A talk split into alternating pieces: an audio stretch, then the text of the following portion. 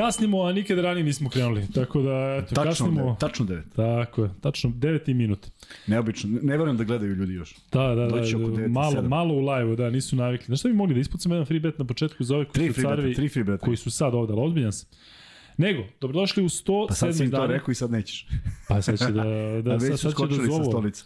107. izdanje podcasta sa Lukom i Kuzmom. E, vidite, sveži smo, počinjemo u normalno vreme. Neće biti goste Gagi Milosavljevića, zato što je e, ipak situacija tako da je pre 24 sata čak i manje. E, 24 sata ekipa Megi izgubila u Splitu i to na baš onako težak način nekim čudnim sudijskim odlukama, ali Split je do tog trenutka bio najgori tim u ligi, tako da nismo hteli da e, da žurimo sada sa, sa Gagijem, jako je bila, jako je bila ideja da, da dođe, međutim, e, A i Tako konstatovali kako. smo još sinoć da, je, da će po, moguće posledice biti ovo i naravno uvek su mu otvorena vrata, mi ćemo biti u kontaktu pa će nek, neki moment biti zgodniji. Sumnjam da su danas imali dan odmora kao što je bilo planirano, jer to nam je Gagi rekao prošle nedelje da mu je mnogo lakše nego da juri i eto ispostavilo se da se desio taj verovatno neplanirani poraz i vidjet ćemo, čućemo se s njim u ovoj nedelji pa ćemo zakazati neki drugi termin. Da, evo ovde vi koji ste tu, mogli bi stvarno da ispucamo jedan free bet e, sada za vas malo brojnije, zato što znamo da će se većina uključiti kasnije, da evo raste. Raste baš ovaj... Pa e, nisu navikli ljudi na vreme da počinju. Pa zato kažem, ajde sada za ovo. E, Da kažem da je danas još jedan, eto, možda smo u periodu života kada su te neke vesti ružne ovaj, češće, jer smo mi stariji, ali ono što se desilo pre 22 godine i dalje ovaj, negde odzvanja i, i, i danas je dan kada je na treningu na parkingu Hale Pionir upucan Haris Brkić, borio se tri naredna dana, ali ovo je faktički bio onaj moment kada smo svi saznali i kada smo verovali da da je moguće da se oporavi jer smo znali koliko je snažan i koliko je ovaj toga prošao u životu i, i, i, prosto verovali da sve to što smo čuli nije istina. Da, nekoliko dana kasnije, je tako? 15. da. Da. E, ja bih se vratio e, i na ono o čemu sam pričao prošle nedelje, a to je taj apel da se Stevanu Jelovcu e, dodali ta čast da se jedna dvorana u Novom Sadu zove po njegovom imenu. Mislim da to zaslužuje, da su nam Grci onako pokazali kako se to radi i da bi morali mi da, da, se, da je trebalo mi prvi to da uradimo. Ali eto, ako kažem, imate neki domet do nekih bitnih ljudi ili ako neko sluša zaista, uh, mislim da je to najbolji način da se dečka setimo kada kaže igra se u Durani Stevan Jelovac. Eto, uh, to su te dve stvari. Uh, Da, ali imaš jednu poruku, samo da nađem. Ajde, taman da evo, ja odgovorim ovde na, na, na par komentara. Kaže, kad slušam Luku na SK dok komentariše utakmice, imam utisak kao da mi neki drugar komentariše sve zbog podcasta. Da, to su do, ljudi rekli ovaj, da imaju takav osjećaj. Luka, šta kažeš na današnji meč za Australije, Bryce Cotton? Da, to je jedin ver, verovatno australijanac koga ja nisam prenosio ove sezone, bio, bio je potpuni haos. Ja za taj Pert onako indiskretno navijam zbog onog Brady Amerika i zbog još par likova, ali ovaj, da, bilo je potpuno ludica. Imate na YouTube Sport Club uh, kanalu imate kako se završilo to neko potpuno suludo dešavanje. Radenović Dušan je oduševljen tvojom idejom za, za, za imenovanje neke od dvorana ili Hvala puno Dušane. I kaže da bi on njegov predlog je da se napravi neki dobar Reels koji bi mogao da se podeli na društvenim mrežama kako bi ideja doprala do što više ljudi. Jer, Šta beše Reels? Pa Shorts ili Reels Aha, se zove aha. na Instagramu koji nemaš.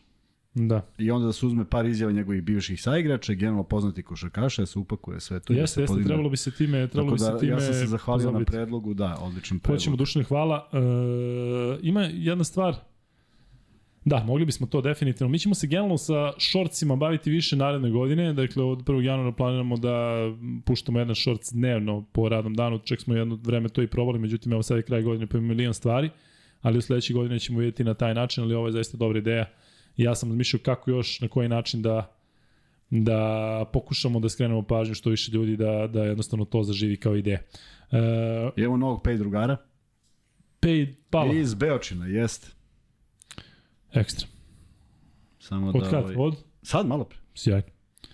Imamo i nove Patreone i zaista ste divni, hvala vam puno, ali sad ćemo mi da ipak e, da nečim drugim se malo pozabavimo i da vas zamolimo na neke stvari, ili tako Kuzma?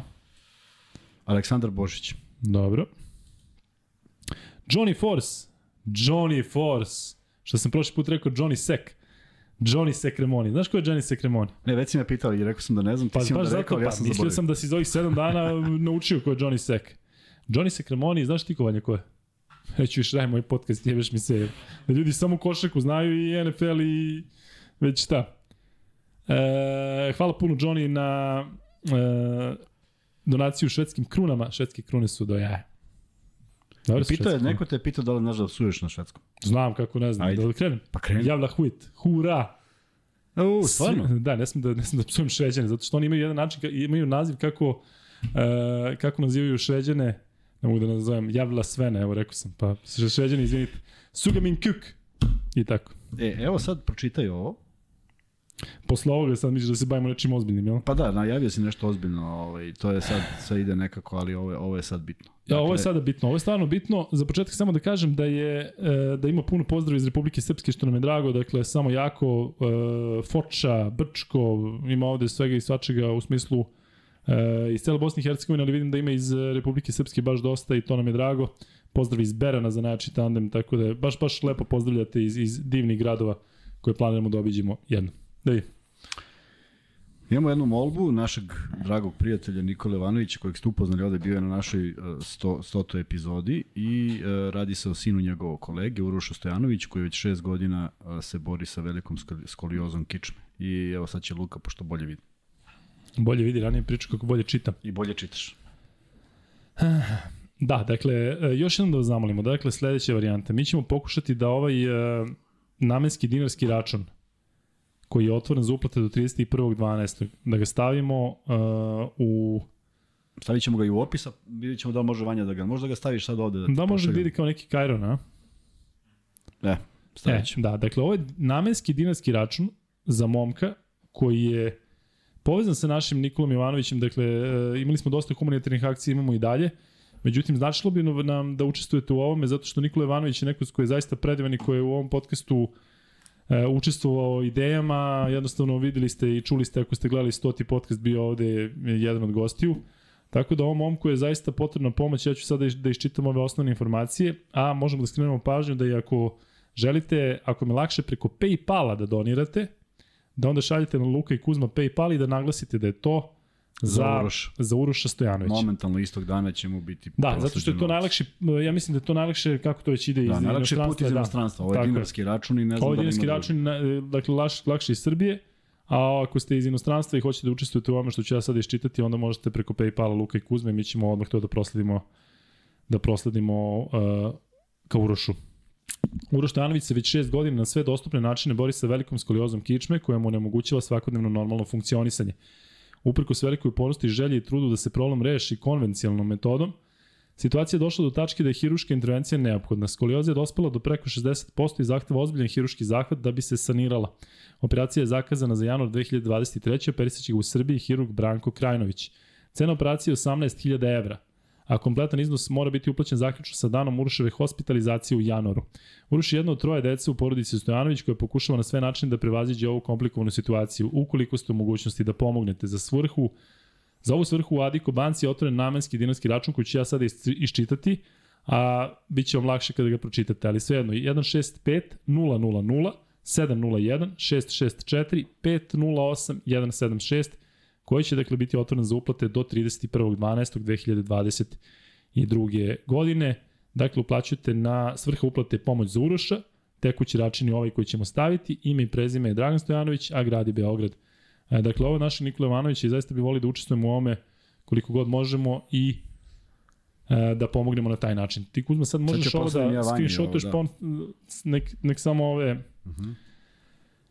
Nek iscrta ovo. Uh, još nekoliko stvari, dakle, tehničke prirode što se tiče podcasta u četvrtak i petak, radit ćemo i u četvrtak i petak. Dakle, danas ćemo pričati pre svega o ABA ligi, zato što ima dosta mečeva, akcenat je naravno na Zvezdi i na Partizanu, više na Partizanu, zato što znate svi šta se desilo u Ljubljani. Vidim da me ovde zezaju, da li sam pio cedevitu i ostalo. Uh, ali... Um, Pričat ćemo naravno i o duplom kolu Euroligi koje startuje već sutra. I Partizan i Zvezda igraju sutra, pa onda u četvrtak igra Zvezda, u petak igra Partizan. Tako da imamo i u četvrtak posle Zvezde i u petak posle Partizana imamo podcaste. Evo ga, samo ti kažem, Stefan Milošević ubat, uplatio za Uroša. Evo ovog sekunda. Viš kakvi su to cari. Svaka čast Stefane, hvala ti puno, hvala ti Uroša u ime, a ovo ćemo već koliko sutra da, da sve što se bude skupilo ne moramo istog dana, ali da. ćemo čim pre kupiti i ovaj i Neverovatno i, kako i brza reakcija Stefane, zaista hvala puno. Hvala Uh, puno. E, viš I- koliko je jednostavno.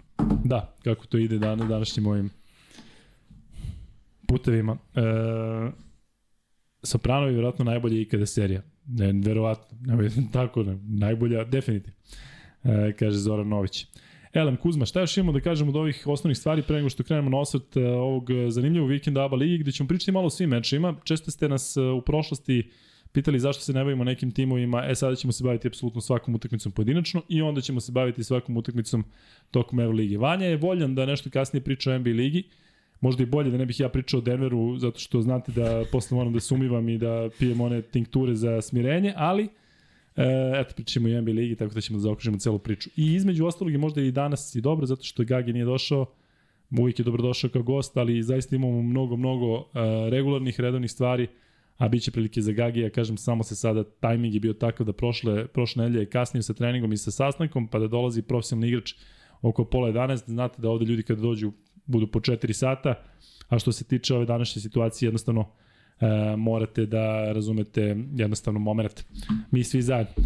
Luka, po meni basketaši čuda čine oni momci svakim čas. Da, momci su fenomenalni, dakle, čuo sam se sa njima, u kontaktu smo stalno, dakle, ubio, osvojio taj završni Masters i to je zaista fenomenalno, jednostavno ta dominacija je nešto što, što je pa nešto na što su nas navikli. Dakle, ovo leto je bilo tako da su osvojili svetsko i evropsko prvenstvo, osvojili su ona prvo četiri Mastersa, sada su osvojili i ovaj, e, ovaj poslednji i ono što je takođe e, jako bitno i opet još jedan apel, Srbija mora da ima Masters turnir. Dakle, ne znam da li pratite 3x3 basket, ja ga pratim i komentarišem ga pa sam u celoj toj priči, ali e,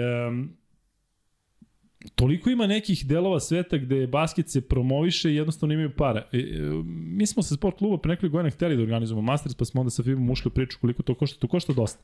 Dakle, potreban je sponsor. Ali svejedno ne moguće da u Srbiji nema niko ko neće da uloži taj novac, jer tu malo šta se u suštini isplati kroz neke reklame, koliko sam razumeo, ajde da ne ulazimo u neke analize, ali zamislite kako bi bilo da se recimo organizuje na nekome, prvo Novi Sad bi morao da bude baza, koliko god Beograd bio, bio centar za bilo šta drugo i koliko god Kalemegdan bila atraktivna lokacija, ipak nekako Novi Sad, ovi momci su mahom iz Novog Sada ili iz okoline, iz, iz tih Banovaca. Iako se ekipa zove UB, oni su stacionirani u Novom Sadu i znate šta sve tamo, št- ko je sve krenuo tamo što se tiče basketa. I jednostavno da dobijemo bar neki Masters. I zamislite kako bi to izgledalo, kakve bi to tribine bile i koliko bi bilo potrebno ljudi da jednostavno primi sve zainteresovani. Mislim da bi njima to bilo posebno iskustvo. Tako pritom Srbija nije organizovala ni jedan svetski e, turnir ili evropsko prvenstvo, tako da nešto tu ne valja. Zato što ja često to pomenjam, ne postoji sport ikada i gde je jedna država toliko dominantna kao što je Srbija u basketu. Dakle, to je jednostavno, ako neko može da mi nađe, sport gde postoji jedna država koliko se, koja se toliko ističe i kao reprezentacija i kao tim i zato mislim da bi trebalo da apelujemo i oko toga. E, dobro, Kuzma, ili imamo još nešto da kažemo pre nego što Setit krenemo na ove redovne stvari? Ti znaš da uvek, uvek dođemo kao s nekom idejom, pa to ode u nekom drugom da. pravcu, ali sve, sve se setimo na kraju. Da, dakle, možete da, da, šta još možete? Da. Vidite ako možete za, za, za Uroša da, da, da pomognete, e, imate one redovne, redovne načine kako možete da podržite nas. E, uvek nam je najdrže recimo ako kupite majice, tu ćemo i da unesemo neke novitete, ali o tom potom pričat ćemo u narednom periodu malo više o tim nekim stvarima. Ide nova godina pa ćemo da se bavimo i tako E, nešto. znaš što sam zaboravio? Zaboravio Ajde. sam da se zahvalim Nadam da smo trebali da se zahvalimo. Ne? Da, da, ali pa i sad kome? U stvari, to nisam ni iskoristio. E, Žarko Dapčević Dab.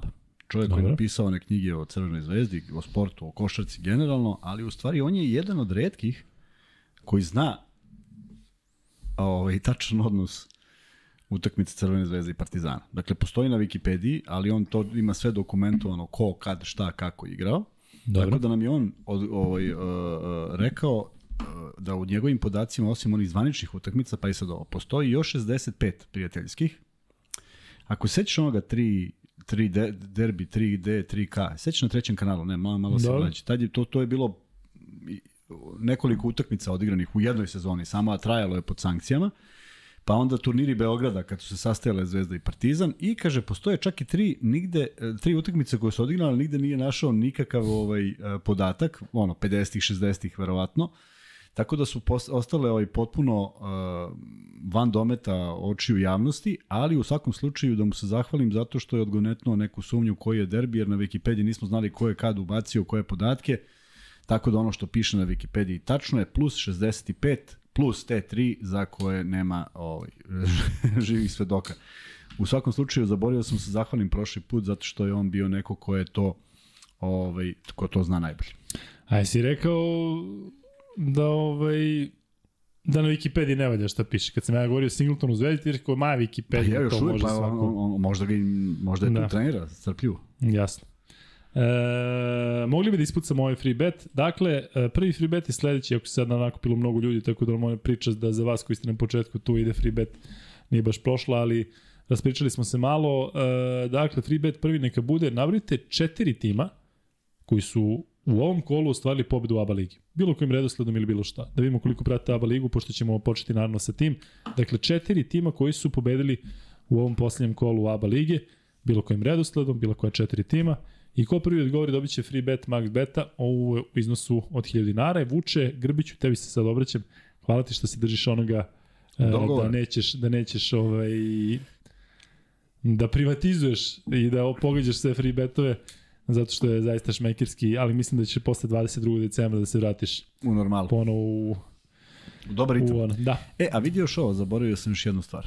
A, pitaju ljudi, danas mi šalju kad izvini. je... E, Zvezda CDVita, Zadar FNP. Zvezda CDVita, Zadar FNP, tačno. Boris 995. E, znaš, Borise, kakva je procedura. E, to sam hteo da kažem. Dakle, ima još nekoliko vas kome nismo poslali poklone od a, stotog podcasta. Strpite se, samo da dođe malo. Dakle, podelili smo free betove, podelili smo dve od tri šolje. Još uvijek vozim, još uvijek vozim limenke ultre Eto, da, da.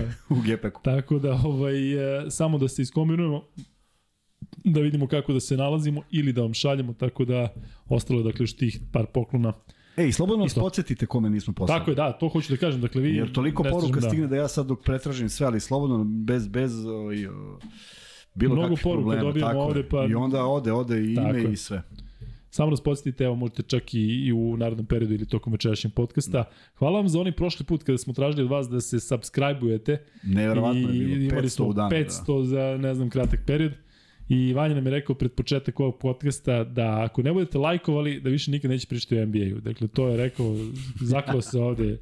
Ovaj, Pred svima nama. Tako je, da.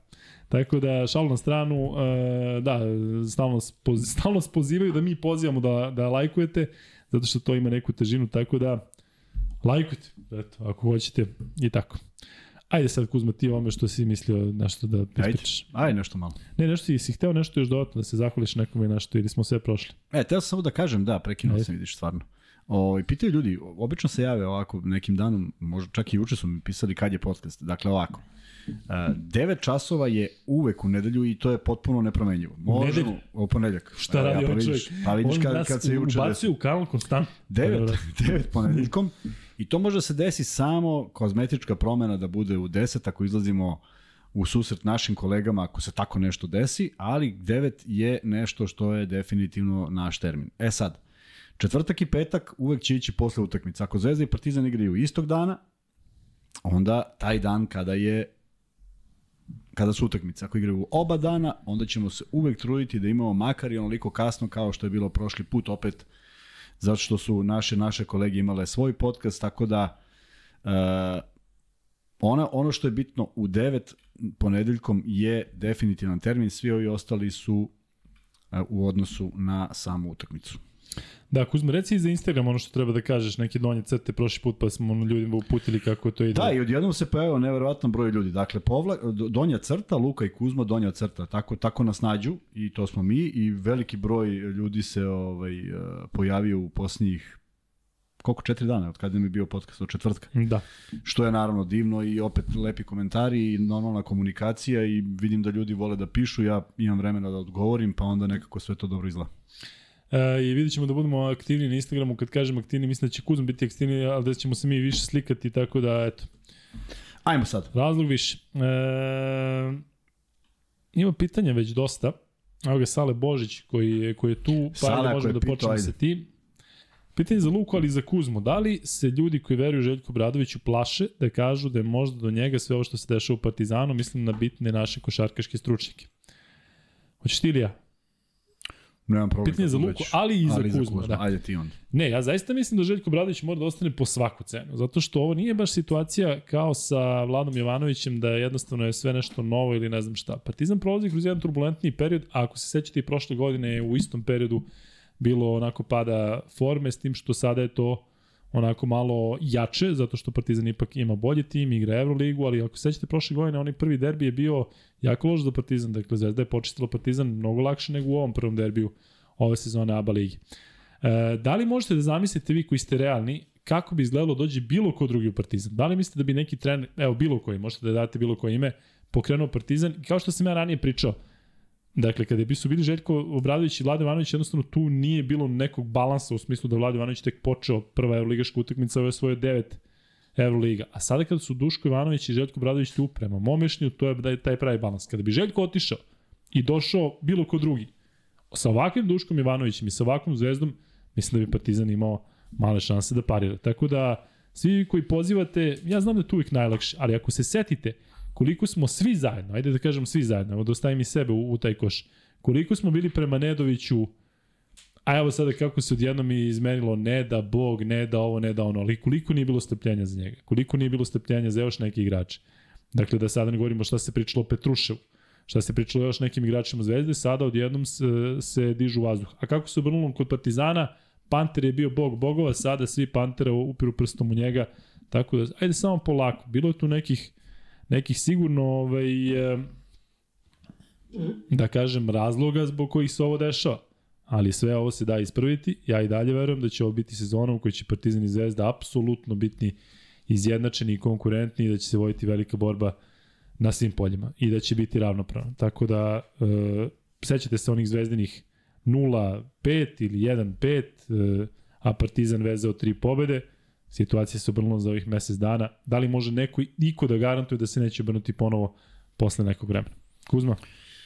Pa ima dosta smisla to što si rekao i ovaj i jedino što što što eto ja bi se podsetio onog momenta kada smo pričali o Željku, ja mislim već i još i prošle godine koliko je bitan njegov dolazak i sve to, ali on nosi određene određene određenu zato što on nosi određenu težinu, onda taj dolazak nosi i određene posledice. Zaista, ko sme da pita da li je tu negde njegova greška? Ja ne mislim da jeste, E, ne baš sve, ako ima neke, verovatno ono što pravi svaki trener. Međutim, ono što sam pitao na početku sezone, prethodne sezone, pa i ove, a, navika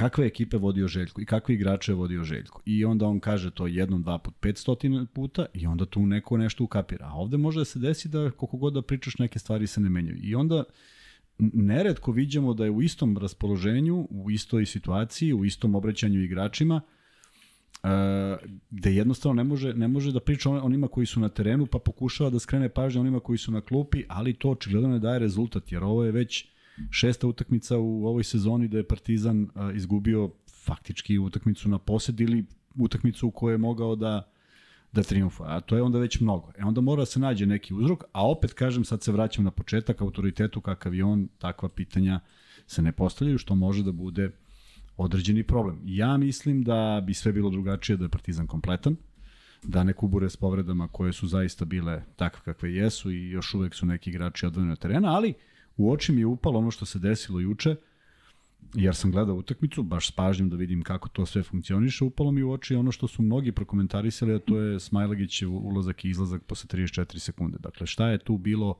što je moglo da se desi, osim, prosto, znaš, ne mogu da ne mogu da razumem zato što svaki igrač traži neko poverenje, svaki igrač traži neku slobodu, pa čak i ako pogreši. A, mislim Ne da je- misliš možda da je, da je oko te njegove povrede pa, Pa da je jedino, možda to? ako, ako je hteo da kaže, ajde To sad nema smisla, da. Dakle, kažem, ne znamo, jednostavno upadne u oči. A s druge strane, sad moram napraviti digresiju, zato što pričamo o treneru vrlo sličnog profila, možda ne toliko uspešan što se rezultata tiče, ali apsolutno čovjek koji je u Euroligi evo koliko godina. A, nema sad neke pretrane diskusije. On prosto kad nacilja metu ko, ko je pogrešio, on momentalno potrči prema klupi i izađe i onda se bori za svoju minutažu tako što neće ponoviti tu grešku. A, a, pokušat ću napravim jednu, ko, svi koji su gledali CDVita Olimpija, Partizan, evo, evo jedan, jedan, jedan, ja mislim problem koji može da se detektuje. Jogi Ferel završava utakmicu tako što napada Pantera u jednom silovitom prodoru ide do kraja bez faula, je li tako? Šta on radi sledeći napad? Šutira preko ledeja trojku. Identičan mindset, identično razmišljanje kako će on sada reši tu utakmicu trojku. A ne znam ko možda ga zadrži na ulaz. A Partizan u bonusu. Dakle, identično je to što američki igrači vole da to ne bude samo pobeda neka bez veze, nego bre da se to vidi. A vidi se kad ti daš trojku i onda svi skoče sa tribina. Nema veze s mozgom, ali deluje mi da mnogi igrači tako razmišljaju. Još jedna digresija o kojoj ćemo biti reči, oduševljenje što je Russell dao 35 pojena zvezdi. Kasnije ćemo doći na tu utakmicu. Ali to, ja, ja ne znam zašto se ljudi time oduševljavaju. I ne znam šta je tu zanimljivo. A posle ću reći zbog čega.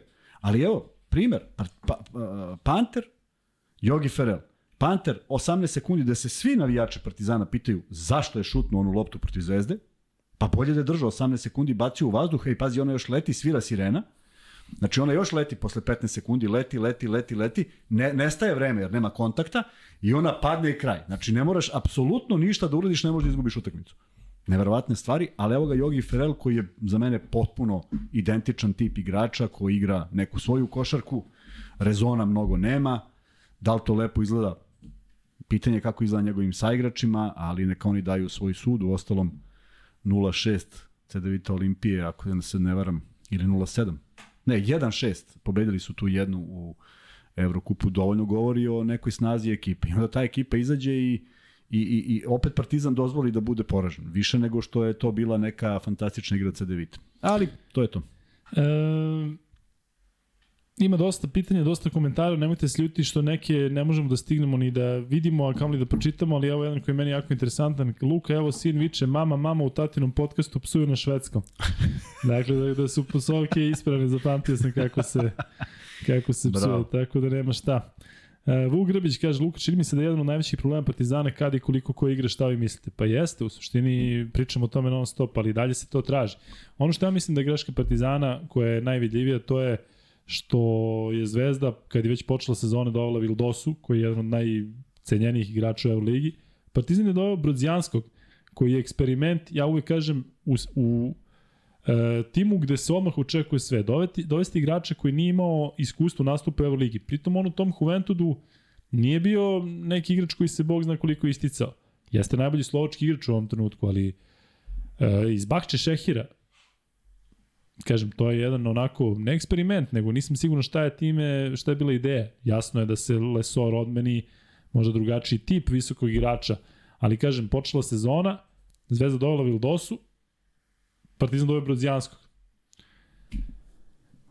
Verovatno to ima i nekog, naravno, smisla da je tržište takvo, da možda nema započanje, da već kako to ide, ali kažemo, ovo s Brodzijanskim ne miriše na dobro, posebno sa onakvim njegovim odlukama, dve, dva minuta na, na derbiju u, u areni i reakcija Željka Bradovića, ajde na klupu, ništa mu nije ni rekao, tako da ne verujem da ćemo od Brodzijanskog u nekim ozbiljnim utakmicama videti mnogo minuta, kamoli da da nešto učini. Jako dečko, naravno, želim sve, sve najbolje.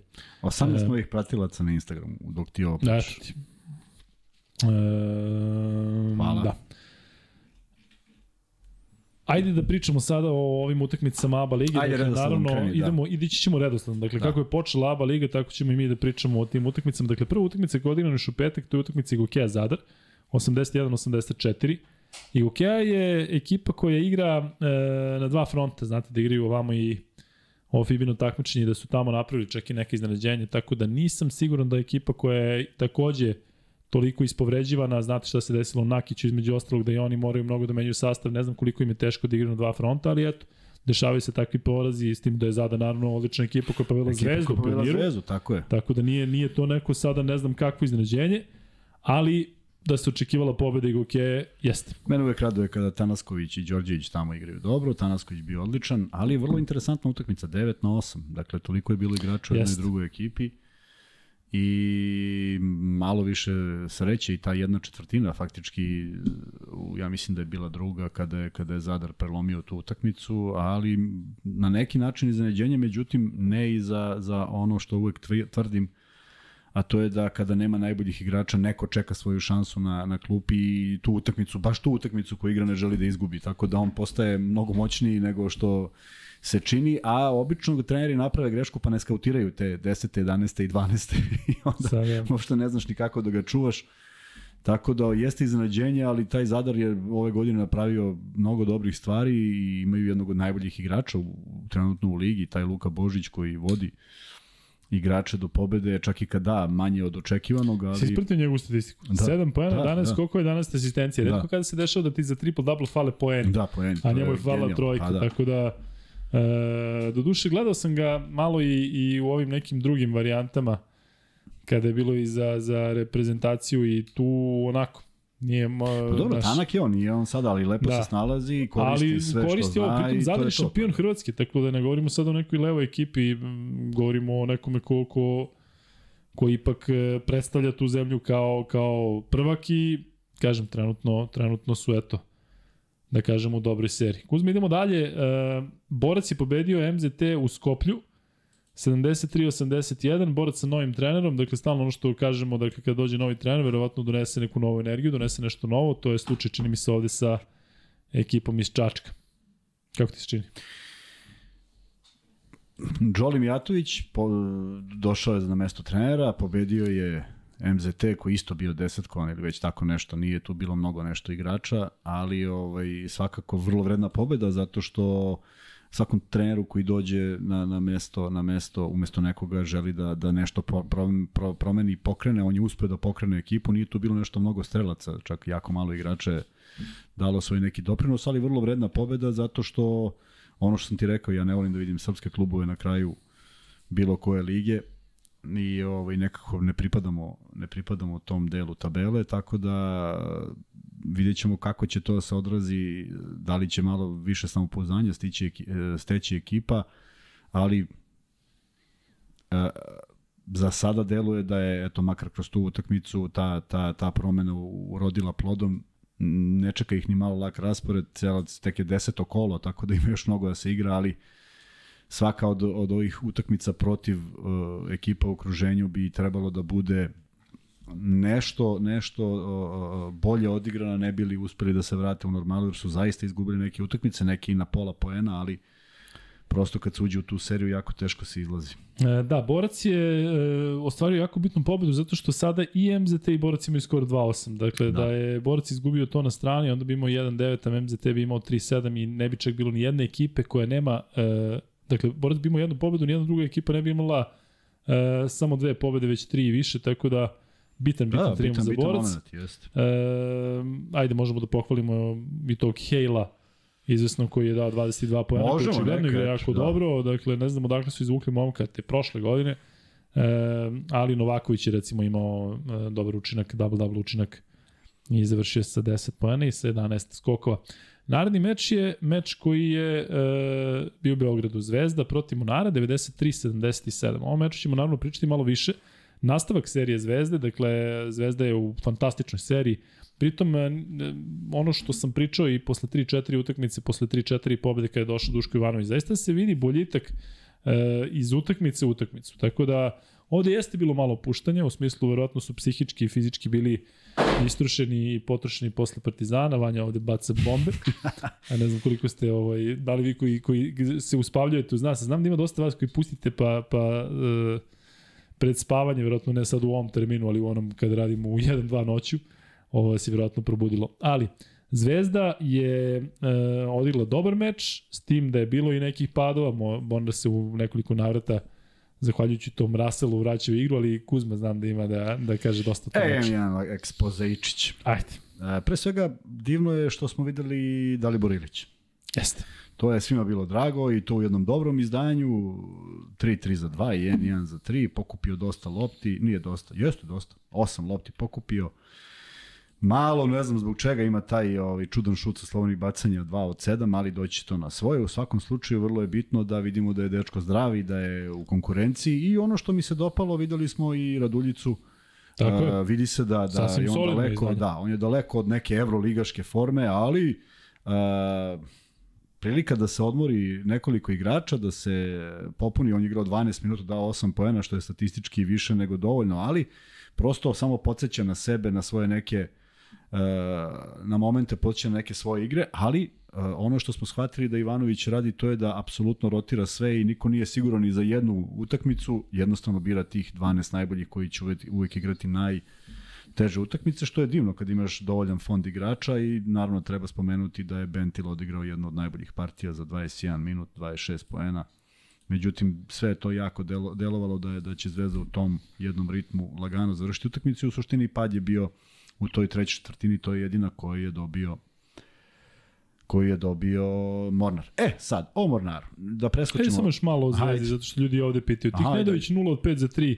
Jeste, op, da, ne ništa valja. strašno, ali ništa strašno. On dečko, ja mislim da će pogoditi Da. posle onog s Partizanom pogodit će bitne trojke. Ovde nisu to trojke Da, koje da. bi napravili ne znam Tako, šta ovom neće napraviti štetu, ali jeste. Ali on mora da se vrati. I videli smo i Dobrića u, u, u Jadranskoj ligi e, da li 0-4, pa ona posljednja protiv Cibona ili Jeste. nekoga ulazi, pa, znaš, mora da probiju, pa onda drugačije izdanje bilo. Tako Ali da, Kuzme, se vidi i da li to sme uopšte da se vidi kod Duške Ivanovića i kod njegovih timova, se vidi možda pristup igrača da je drugačiji u Euroligi i, i u ABA ne, ne, ne, on to ne dozvoljava. Mislim da ne, ovo što sad pričaju kako, kako je ovaj dao toliko poena, ja ne vidim neki problem. Naravno da nije čovjek uh, hteo da zategne i da uzima time out i da ih prekore, da ih uh, prekoreva za bilo kakvu grešku, ali uh, neke stvari koje su određene, određene su prilično dobro, neke nisu, ali prosto je jedna utakmica koja je na, na planu, u, po planu i programu mora da se odigra, odigrali su je dovoljno dobro, pogodili 93, dali 93 poena, mislim da je sve to bilo divno i, i još je divno bilo što je i Topić bio na parketu i odigrao Tako je.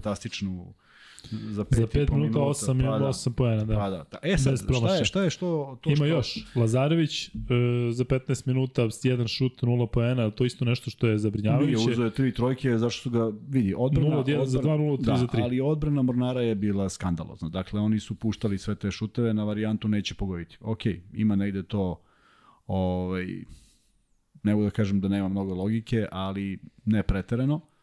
Lazarević uzeo čiste šuteve, promašio, na prethodnoj utakmici šutirao 3 od 5, doći će taj šut, tako da tu ništa ne zabrinjava. Mnogo je, mnogo, je, mnogo je važnije što su svi bili u pozicijama za šut nego što su u tom trenutku na toj utakmici promašili. Ilić je dao 11 poena i to moramo da pohvalimo s tim što se njegova stegnutost i grč da mora da se dokaže videlo na liniji penala. On je Jeste, jeste, da. Dva Dva od od sedam, da. To, to, Dva smo, od sedam, to smo da. prokomentarisali. I e, ono što takođe treba po, pohvaliti to je da je Bentel zaista eksplodirao Jeste. i odigrao fenomenalno. Dakle, ako smo mislili ako se mislilo da je on u nekom trenutku možda pao u odnosu na onaj početak sezone, evo sada, ja mislim da nije imao ni jednu partiju ove godine gde imao veći broj poena, a dao je 26 i to za nekih 20 minuta u igri. E sad Kuzma ima da priča malo Ne, o ne, još ne, Mornaru. nisam još završio. Imam, da, da, teo sam kažem nešto malo o Nikoli Topiću. Ajde. Šta njega odvaja od ovih drugih tu sad prozivanih kako su zvezde, kako su budući ovi ili oni. A, prvo, ja njegov veliki kvalitet, koliko god to sad malo blesavo zvučalo, je što ni u čemu nije ekstreman. Nije ekstremno brz, nije ekstremno visok, nema ekstremno velik raspon ruku, nije ekstremno skočan, nije ništa ekstremno, a oduševljamo se ekstremnim. U ostalom, sada se deca baziraju na tome koliko je skočan. Znaš, ne da li skače gde lopta leti, nego koliko je skočan, što nema neke naročite veze. I zato mislim da će on imati jednu o, jedan bolji pristup svemu tome. On će mnogo morati da se trudi. I on se već trudi, on igra sa neverovatnim rezonom, sticajem okolnosti, eto, znam se sa topom toliko godina, a evo sad da, da kažem nešto što verovatno mnogi nisu znali. Prvi nastup Nikole Topića je u suštini pod okriljem sport klubu Basket for Kids projektu. I on je igrao za Novosadski klub i tad je prvi put izašao na parket na malo, eto, da kažemo, na, na, na, na, na veća vrata. Šta se desilo? Ti si video dečka od 13, 12 godina, 13 godina, kako, kako igra sa rezonom starog, starijeg igrača. Dakle, sve što je radio je radio sa fantastičnim rezonom. I to je ono što je on nasledio očigledno i što ima i uh, njegova igra je jako jednostavna, njegova koncentrisanost, ako je neko primetio kad je postigao prve poene, odmah je otrčao u pressing, prema tome, apsolutno je nasledio nešto od Milenka i, i mislim da će mu to mnogo značiti da, da, da zaista bude pravo osveženje i da bude podrška treneru sa, sa, sa ovaj, da bude podrška treneru na, na terenu. Vrlo, vrlo je bitno da playmaker ima tu komunikaciju, a mislim da je on tip igrača koji nikad neće iskakati ni iz kakvih pravila, da je dovoljno bezobrazan jeste, u smislu ono je pozitivnog bezobrazluka, da već ima neki racio koji klinci ne bi trebalo da imaju, on ga ima. Tako da zaista verujem da bude li, bude li sve išlo samo što se zdravlja tiče i sve, da je on neko ko će stvarno predstavljati razliku. E, kada je otišao Milenko u kinu, ja sam razmišljao o tome da li je možda daleko u, u ovom trenutku kada treba možda da bude tu, da, znaš, kada se razdela, ti to im, možda ima neki faktor, a? Mm, znaš šta, ja znam koliko mu je teško što, što je otišao, nije on neko ko se tako lako odluči i kome to baš tako prija. Uh, Tako da je on imao verovatno mnogo dilema oko toga, druga, s druge strane nešto čovjek mora i da radi, ne može da sedi i da gleda šta, i dolazi iz, iz nedelje u nedelju. Pa ne, ali znaš šta je ideja, Nikola ovaj, sada igra dobro ugovor i onda živiš pa od njega, uzimaš lovu. Da, to nikad ne bi, ne, to mislim da se nikad ne bi desilo, da, to se nikad ne bi desilo i tako su, tako je i Nikola vaspitan, tako da sumnjam da je to može da se desi uopšte. Da šalim se. A znam, ali, ovaj, ali znam koliko mu, je, koliko mu je teško kad nije tu i verujem da prati sve ovo što se dešava i, i verujem da je na ono na stalnoj vezi koliko god je to moguće i sa porodicom i sa Nikolom. U svakom slučaju može da bude ponosan na ovo izdanje i, i sad ono što, kad će doći sledeće, ja mislim da će ga Nikola zaraditi čim pre i da ćemo gledati makar u okviru ABA ligi. E, Vanja, možda pustiš pol. Kaže ovde ne smem da stavim pol, zamisli, e, ne, plašim se. Ne kaže, Luka, ne smeš da postaviš pitanje za koga naviju gledalci, zna se 70 plus uh, Ajde da vidimo, aj sad da vidimo baš. Da provalio, provalio si me, baš ne smem, nije nego zaboravim. A iskreno, kada je ovde pol, i kada se vidi, onda manje mogu da čitam vaše, ovaj, vaše komentare i vaša pitanja. Uh, javila se Marija i kaže da iz Malmea. Uh, ja sam mislio, Marija, da si ti ovde negde iz okruženja, ali pozdrav naravno veliki i za Malme. Um, Kuzma, e, što se tiče Monara, ekspoze kreće. Kreće, samo se zahvalim ljudima koji pišu. E, vidi ovako, dakle ovako. Ja sad ne znam koliko je širo javnosti, koliko su poznati, ali ja znam neke od ovih igrača. Znam Kovačevića, znam Pecarskog.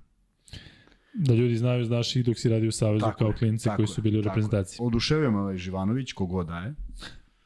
Vujačić, verujem da vodi poreklo od ovih bivših igrača, ne znam. Ali, šta hoću da kažem? Evo ovako. D. Russell je šutirao 30 13. 13 od 30. Talentovani momci iz Mornara, Živanović, Vranković, Kovačević, Pecarski, Miković i Vujačić, i ne računam Dionga kao stranca, i ne računam Vranješa iz prostog razloga što je čovjek u ozbiljnim godinama, bez obzira što mu je statistika sasvim pristojna, su šutirali sledeće. Dakle, ovako, oni su šutnuli 3 od 5, sad govorim ukupno 5 od 9, 9 od 14, 10 od 15, 12 od 17 za 2 su šutirali momci kada su dobili loptu. Svi zajedno. Jeste. Da. Dakle, kada oni dobiju lopte, oni šutnu 12 od 17, a nisu mogli da ih dobiju 30 puta. Shvatite šta Kuzma hoće kaže. Rasa 13 od 30, da. ostatak ekipa ovih klinici 12 od 17. Da. I svi kažu kako je Russell da. pokidao zvezdu. A ono na, na semaforu 93-77. I Russell šutnuo koliko trojki Kuzma? 17? 17. 17 trojki. Vi šutneš 17 trojki. Pa kunem ti se, evo sada da, da, da me ovakvog s ovim bangavim ramenom da me stave, da mi daju dres i da šutnem 17 trojki, pa dao bi 4. Ja kad bi stavio ćošku, Pa, dve, to, pa, dve ubaču, pa, slučajno, ispale. Pa, ona jedno što zakači tamo sa strane. Da. E, i sad pazi, i kao na tome je bila bazirana igra. Na čemu? Na čemu je u stvari ovde bila bazirana igra? Da će ovde da 70 pa da pobedi zvezdu, nije realno. Ali šta ovi drugi igrači rade? Pazi, a pritom, kogod može da premota, a, njegova odbrana je toliko, toliko ne postoji, da uopšte ne znam koji bi bio motiv da, je, da ja igram odbranu. Da li me razumeš? Znači šta bi meni trebalo neko da kaže, da kaže aj spusti ustav. A ja je pitao zašto? Nemaš loptu u napadu, tvoj, tvoj saigrač ne igra odbranu nikakvu i sad si ti tu neko da šta? Ali da on ode, ili da ga nema, ili da se povredi. Šta misliš da bi bilo samo naravno? 93-77 bi bilo svakako. Svakako, u to sam ubeđen. Da li bi bila neka divlja pobeda negde? Pa koje su to pobede? Koliko ih ima Mornar? Stvarno ih nema sa zdravim Vranješom bolje? Ili sa minutima ovoj deci? Moram ima 4 od 6. Uuu. Posljednja pobjeda protiv Splita 104-88. Eto. I, za, je li to to? Pa okej, onda je u redu. Ali će izgubiti svih ovih pet igrača. Jer Pecarski otvori utakmicu sa pet poena. A koliko je dao na kraju? Pecarski na kraju dao 8 poena. E, dakle, on je otvorio sa pet i onda je dao... Da, Sa nisam četiri, ispuštao, sa, sa četiri je otvorio i onda je dao još četiri. Znaš šta je isto, uh, sad ne znam... da Momak koji imao plus- 11 skokova. Znači, Da. odradio neki ozbiljan posao. E, znaš šta je bilo vidljivo, recimo, kraj prve četvrtine? Zvezda vodi 25-19 i lopta naravno ide Raselu u ruke i svi znamo da će onda šutne. Znači, svi na planeti Zemlji znaju da će da on šutne. I on iz nekog side stepa podigodi trojku. Yes. E sada, je to dobro kada ti znaš da imaš tog igrača? Mi to govorimo kako je, kako je recimo u reprezentaciji ili negde je falio neki igrač taj jedan ali kome oni znaš da ide tako, ali, ali to bi sve bilo u redu kad bi taj side step i ta trojka u sledećoj četvrtini donela smanjenje vodstva ili bilo kakvu igru koja ima ideju da ti poremetiš zvezdu. Ali bi imao recimo drugačiji odnos prema Raselu kada bi sad on kidao u odbrani Da je 93-94 imao bi i tekako drugačiji odnos. Jer e, sad digresija. Ko je gledao danas utakmicu FNP-a, video je nešto neverovatno. Doćemo do FNP, ali ti ste uporedili ono što Frazier, si rekao. 2 od 2 za 2, Frazier 7 serija, od 8 Frazier, za da. 3. 7 od 8 za 3. I što je najvažnije, nije 7 od 8 pa izgubili 25 razlike, nego pobedili 30 razlike. Pa koliko je, ja samo pokušam više, da mislim, pošaljem da. poruku koliko je to drugačije, koliko to ima više smisla kada ti vodiš svoju ekipu do pobede nego kada si dao 40 poena u utakmici koji si izgubio 30. Naravno, ove priče, Kuzma voli Frejzera, a Da, Rasela, obožavam, jeste. Rasela ne može da smisli. Rasel je sada u onoj kategoriji Pulena. pa jeste, Jesi kako nije. što je dao penale Partizanu? Vidio sam. Isto Josh. Adams, Isto gospodin sa Wyoming univerziteta. Ma, idi, molim. E, Se naježiš. Jes, ono se nađe. Ali bukvalno onako dlake ti budu kušte njegova Ma, kosa. Onako. Gledam i nerviram se čoveče. Kuzma, li imaš nešto o Zvezdi, osim da stvarno pohvalimo da Zvezda igra fantastično? Dakle, ja mislim da, Da. da. da je zaista oni koji uživaju u, u, u Zvezdi i navijaju za Zvezdu, da mislim da sada zaista su na sedmom nebu i treba da budete, zato što je Zvezda trenutno e, ekipa koja je toliko dominantna i kažem koliko god su izgledali, sveća se kad smo meni ti pričama, nema mesta i po dana, kako smo rekli da ne znamo šta Zvezda igra. Mi ne znamo šta, znaš, da li igra odbranu ili ide, ne znaš šta da očekuješ. Sada je ista ta ekipa, plus eto ta Vildosa, plus nov trener, plus su poravljeni igrači, jednostavno može da dozvoli sebi što ti kažeš, eto, taj sad Raduljica dobija smisao, tako? U smislu da ti sad imaš Svi su igrača dobri, jednog da. Centra koji je smisao, tu. ABA ligi, može da igra? koji može da se da igra to, za koju utakmicu, za tu utakmicu. Tako. Ali ti se neko odmara. I onda ono što kažeš, gomil, gomilali su se igrači, uopšte nije u stvari, znaš, to Ali još sada... jedna, još jedna vrlo bitna stvar, za neku hemiju ekipi. Ili imaš sad 12 zadovoljnih sa ove utakmice? Imaš, zaista imaš 12 zadovoljnih. Može bude nezadovoljni Lazarević što je promašio otvorene čutove, ali može, to možda bude ljut na sebe, ne na minutažu. Dakle, svi treba budu zadovoljni. Pa onda imaš one koji nisu igrali, koji su zadovoljni što su odmorili i ti odjednom dobiješ ogromnu grupu zadovoljnih igrača. E, ali ja ne bi samo pričao još o Zvezdi, nego bi samo pohvalio zaista izuzetne igrače. Zaista su mi se dopali. Toliko je bilo tih nekih dobrih fora koje su prodali na velikoj sceni protiv Evroligaša. Ti momci koji ja stvarno Govoriš o klinicima iz Monara. Tako je. Ja, I taj Kovačić je 99. godište, nema on 52 godine, nego 99. Prema tome, to su sve neki, ne, neke stvari gde bi, gde bi um, u, u, upariti ih sa odgovornijim igračima bi bilo bolje za Mornar. Upariti ih sa neodgovornim, ali stvarno nek neko pogleda kako ovaj, Rasel igra odbranu, kako bih rekao, e, kad bi bila ona varijanta da izađe s terena, možda, možda, znaš, možda bi bilo bolje.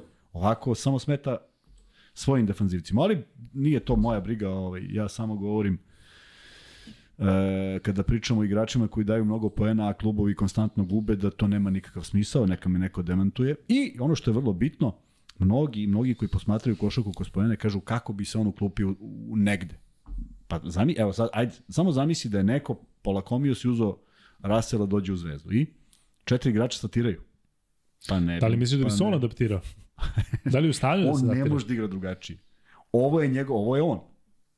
Ja sumnjam da on sad može dođe u neki klub, u neku Barcelonu i kažu, e Rasel, ti samo si sa strane. Mhm. Važi. to, to, to sigurno. Važi, ali na plaži. Ma kakvi. E, Ja moram da kažem da se slažem sa Marko Men. Pa sad vi koji čitate komentare, vi ćete znati šta i kako. Um, Idemo dalje. idemo dalje, doćemo naravno do NBA, do NBA, do FNP-a, zato što je FNP odigrao posljednju utakmicu, ali sledeća utakmica u okviru ABA, ABA lige je budućnost Studentski centar 88-76. Gledao sam i to. Bilo je 77, 76 u jednom trenutku.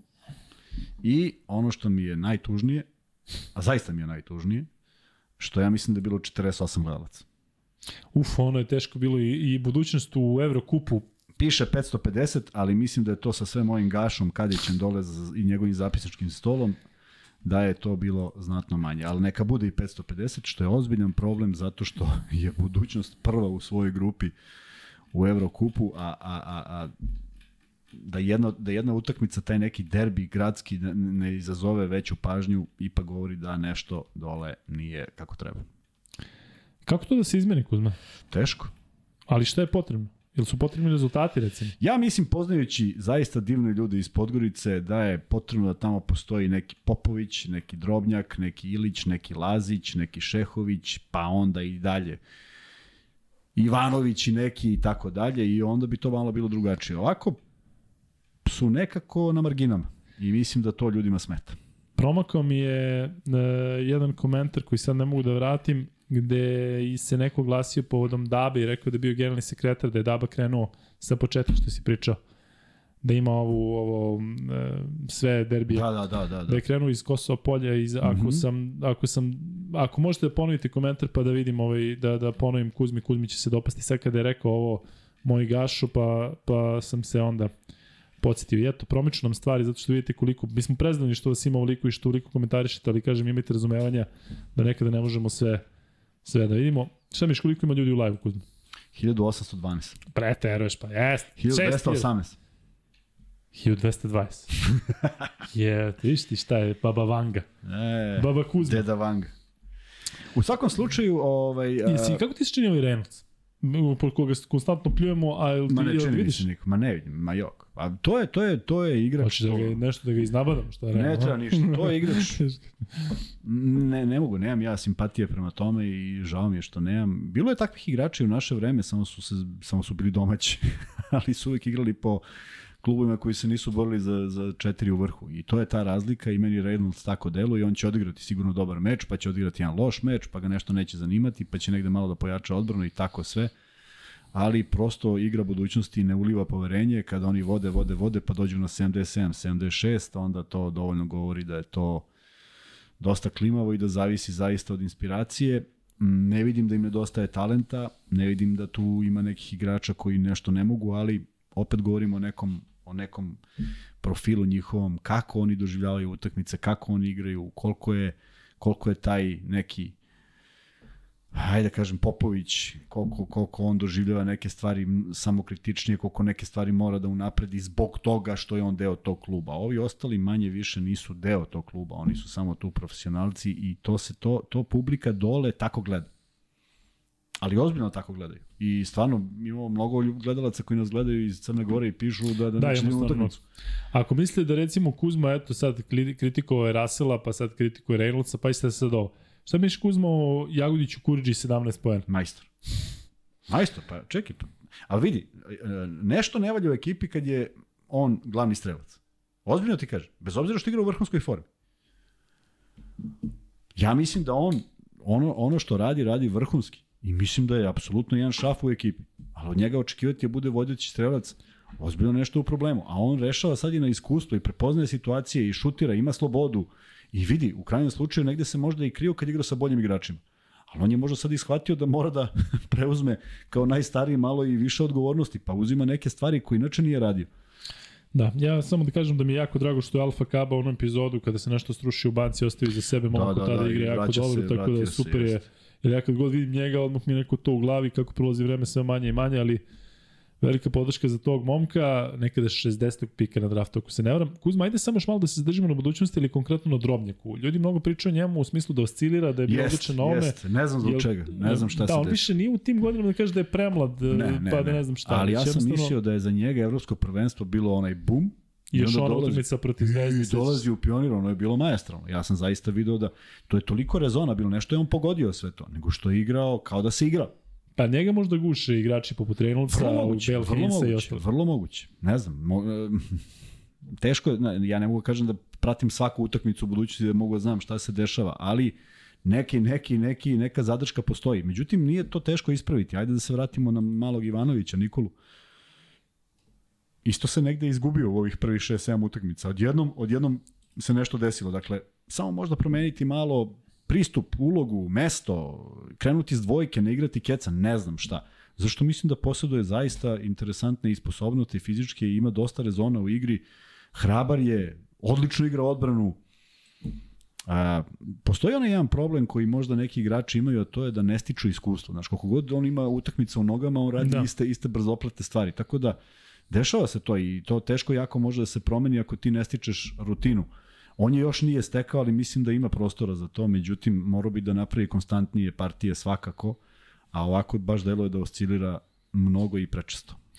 Da, ja moram da pohvalim momke iz eh, studentskog centra, tu ima uh, dosta ovih iz generacije 2003. i crnomorskih reprezentativaca i da mi neko ne zameri ako, ako zaboravim neke, ali uh, Vučeljić, eh, Ivanović, trebalo bi da i, da i ovaj uh, da i ovaj Tomislav Ivišić centar, da je on isto to 2003. godište. Mislim da je to dobra sredina za njih. Mislim da sa Duškom Vujoševićem kao nekim koji je sada u klubu, mislim da oni mogu da napreduju, ne znam dok, dokle, ne znam, ne, ne govorim pojedinačno igrače, nego kao tim. Da li oni u jednom trenutku mogu da se umešaju u play-off pa da nekome pomrse konce u doigravanju, ne znam, ali mislim da onako, i drago mi je što je, što Crna Gora ima još jedan takav tim, tako Kuzma, dugo nije bilo, e, imali smo budućnost, imali smo Monar, tako, šta smo imali pored toga iz Crne Gore? Uh, u ono vreme je bilo U svega ono i svačega. vreme je bilo da. svega i svačega, znači kad govorimo 59. kad sam ja bio mlad. Ali ne, pored Lovćina stvarno, bre, bilo je, bilo je još... Bila je Sutjeska, Pa Sutiska i danas, a e, ima, da, ali bila je, Da. da. bio je i Bonis Nikšića. Da, da, To Goštak, je Sutjeska. Bio je Gorštak, ali ne, ne, nikada u nekoj ozbiljnijoj ovaj, prvoj ligi. Bio je sve vremeno i Ulcinj, ali Lovćin je bio mesto gde si jako teško mogao da pobediš. O, Lovćin, Nikšić, Podgorica i Bar. Igrao sam u onoj dvorani u Budvi, pa su mi rekli da je Budva sve vremena Mogren, igrala- Mogren imao. pa Mogren, da, da, da. Tako je. U onoj dvorani smo igrali, to je bilo šta je ono bilo, ali bilo je dobro. E, treba istaći i stvarno meni vrlo onako simpatičnog igrača koji je prošle godine igrao za Železnik jako dobro. Evo ga i u evo ga i u ovaj um, u studentskom centru igra odlično. Danilo Tasić. Da, da, da. 20 nema poena, slučaja. 5 od 7 za 2, 2 od 3 za 3, 4 od 6 za 1, 5 skokova, pihaj, 4 asistencije, svaka čast. Valorizacija 30.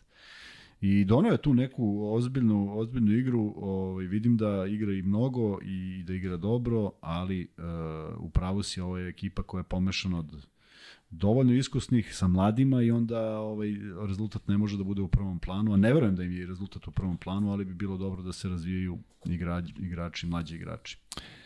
Da, e, idemo dalje sa utakmicama. Naredni meč koji ćemo komentarisati u okviru ABA lige je meč na kome ćemo se najviše zadržati. A to je duel između Partizana i C9 Olimpije. C9 Olimpija Partizan 77-74. Kuzma, šta smo videli u tom meču? Da li nas je nešto iznenadilo, da li nije? U svakom slučaju, kriza Partizana se nastavlja, kriza Partizana se produbljuje. Čini mi se da čak i kod onih vernih navijača Partizana jednostavno pale se neke lampice i jednostavno postoji kod nekih nezadovoljstvo, kod nekih zabrinutost. Vidi ovako, primio sam interesantne poruke o kojima razmišljam, ne, ne od kad sam ih primio, nego inače o tome razmišljam, pa je ovaj se samo Tim poklopilo porukama dok nisu došle. Dok, da. E, Šta kažeš? Pa evo, na primjer, Miloš mi kaže da li je problem, da li je problem ovaj Željkova emocija. Gledaj sad ovo. To sad zvuči onako, znaš, da je to van trenerskog posla, ali razmišljao sam i ovih dana pričao često s ljudima da je u stvari glavna ideja vodilja i povratak Željke i sve jedna velika emocija, ali tako? E sad, kad baziraš nešto na emocijama, to znači da onu emociju koju ja imam prema ovom podcastu moraš da imaš i ti. Jer ako je nemaš, To ti aludiraš da ja nemam, ja? ja samo aludiram, da. Jer ako je nemaš, ti nisi dovoljno dobar kao ja. Nisi spreman kao ja. Nisi ne, ja sad došao, a ti još nisi došao, ili sam ja ostavio ovo, a ti si došao kasnije, i tako dalje. E, i onda tu, onda tu bude problem. Zato što Željko je, osim što je trener, kakav jeste i najuspešniji svih vremena, on je na klupi zaista deluje kao da će da se da se da eksplodira. Znači to nije nije to foliranje, naprotiv, to je jedna emocija koja izlazi iz njega da sve bude savršeno, a ja mislim da on ne shvata da ima igrača koji možda i ne mogu da razumeju šta on traži. A da li je onda do selekcije igrača? Odnosno... To je sad druga priča. To je sad druga priča, ali sad kreću da se provlače raznorazne teorije. Ko je bio za da, ne znam, dođu srpski igrači, ko je bio protiv, zašto nije ostao da, Danković. Da, se otvara... Sad se otvara, to ne mogu da, to, to da, sad pričati šta je neko rekao nekada, to nema nikakve veze. Ali pojenta je u tome. Hajde se vratimo do 2005. Šta je, šta, kakvu je ekipu okupio Željko oko sebe? Najboljih naših košarkaša, tako? Tako je. I šta im je stalno pričao? da mi moramo da dođemo do Beograda. Da je jedini cilj da dođemo u Beograd. Da mi ne smemo da ne dođemo. Šta je to? To nije planski. To je, to je šta on osjeća da treba. I oni nisu osetili. I mi smo napravili na... Dakle, vraćam se da je nešto već slično uradio. Jer ga vuče emocija, on želi da pobedi utakmicu.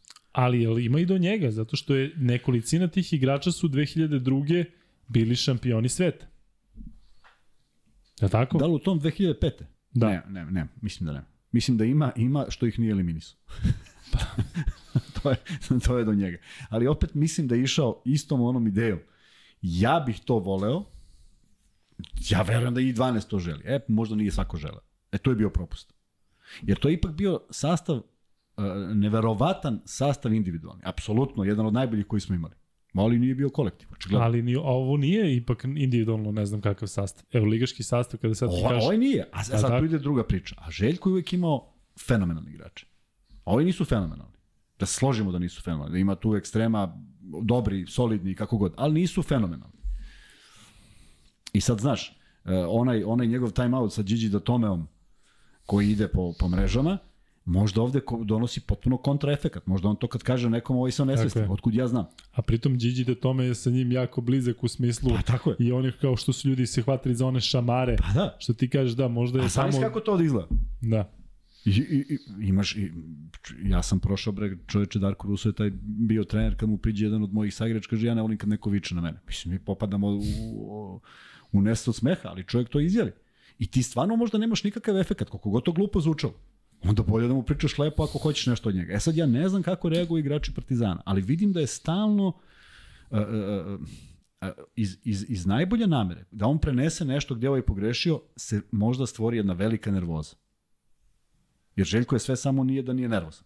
I ja ga potpuno razumem, zato što on želi, on želi, opet, on prvi želi da ovo izgleda drugačije.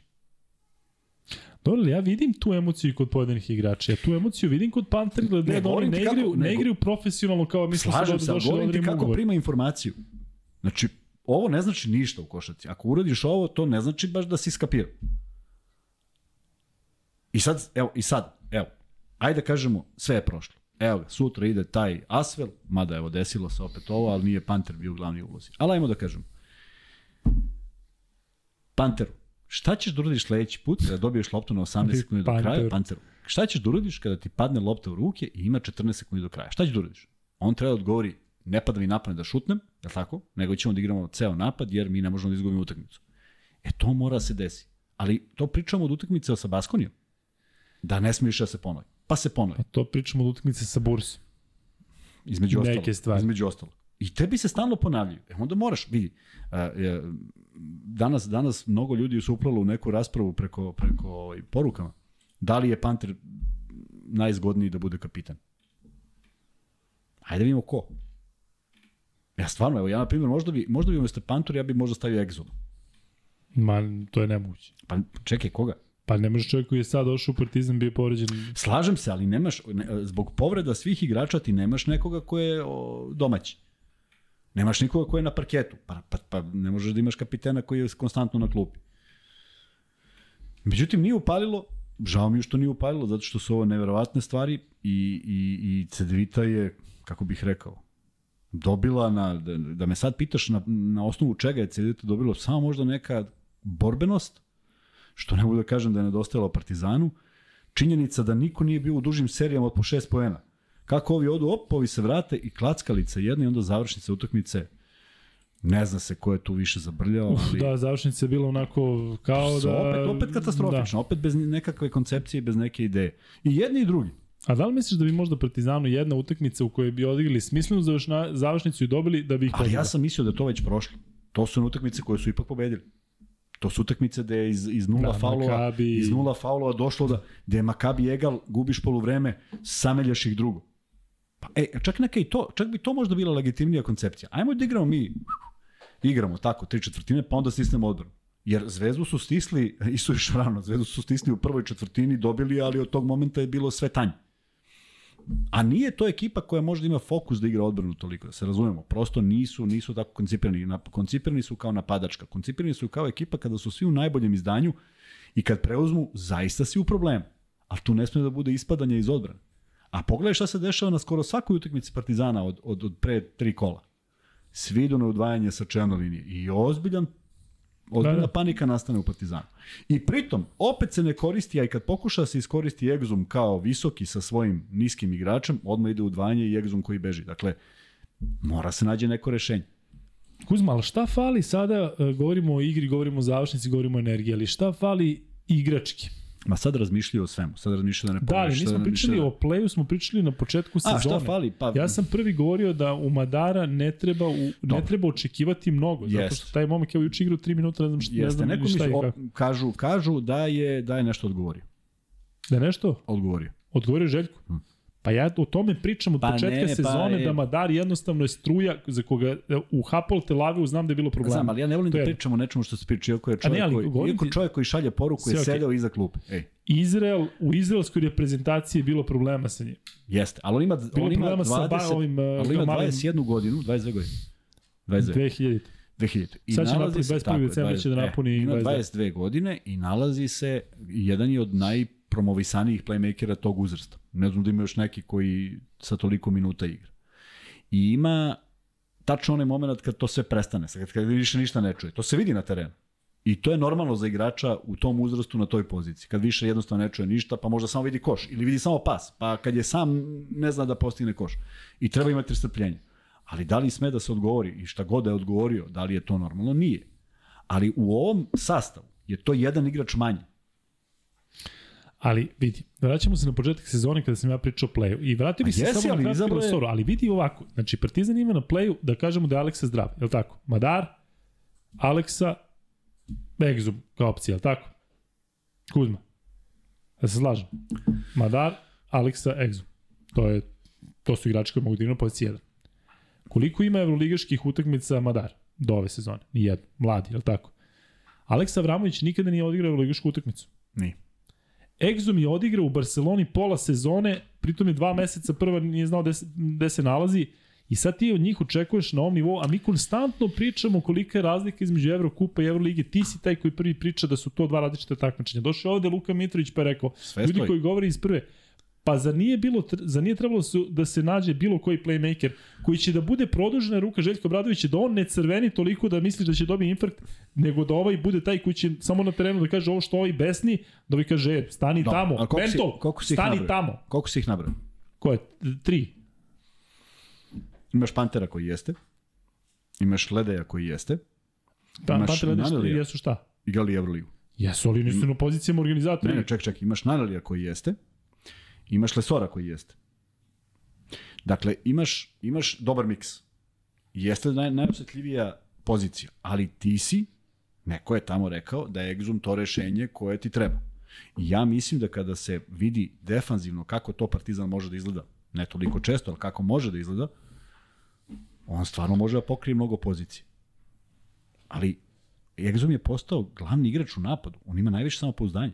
On, on, on koristi najracionalnije svoje šuteve. On je opet bio najefikasniji strel.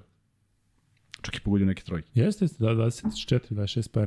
Ali, uh, Ali on sad igra najracionalniji. jeste. A nije organizator igre. Pa, E, to je pro... Pa, ali on je doveden da bude. ali treba sada Partizan da ih ide u pravcu, hoćemo play. Ma sad pričamo o nečem... Mi 50. govorimo kako Kampacu treba dođe u zvezdu, odnosno to se prolači, a ovi imaju Ildosu, imaju još pet opcija, Ivanović treba se vratiti posle mesec dana kad se oporavi, Okej, sad da treba da Kampacu. Da li imaju novca za to? Pa dobro, da li imaju novca za to? Samo možemo Pa pričamo... otpusti onda ovo, ovu trojicu o kojima pričamo da ne znam ne šta. možeš više da otpustiš, to je garantovan ugovor. Ja mislim da ne mogu da ih otpusti.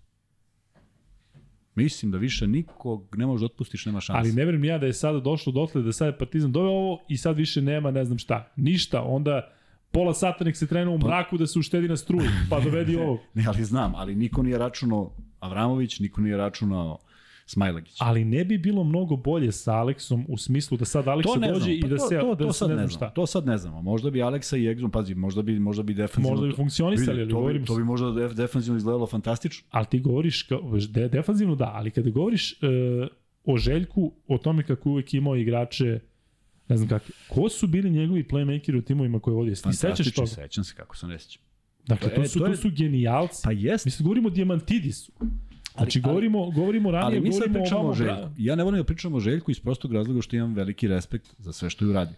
Znači, ne volim ja sad kao šta je gde on pogrešio. Znači, ako je njegova procena na kraju sezone sa ekipom koju je imao, ko ostaje, ko odlazi, ja, bi, ja, bi, ja, ja mu verujem da je to njegova dobra Ma procena. naravno, ništa nije sporno, ali sad, sad je došlo vreme da sad, gori. i- pa nije, sad isto je. Sad kažeš i da je Avramović zdrav, isto je.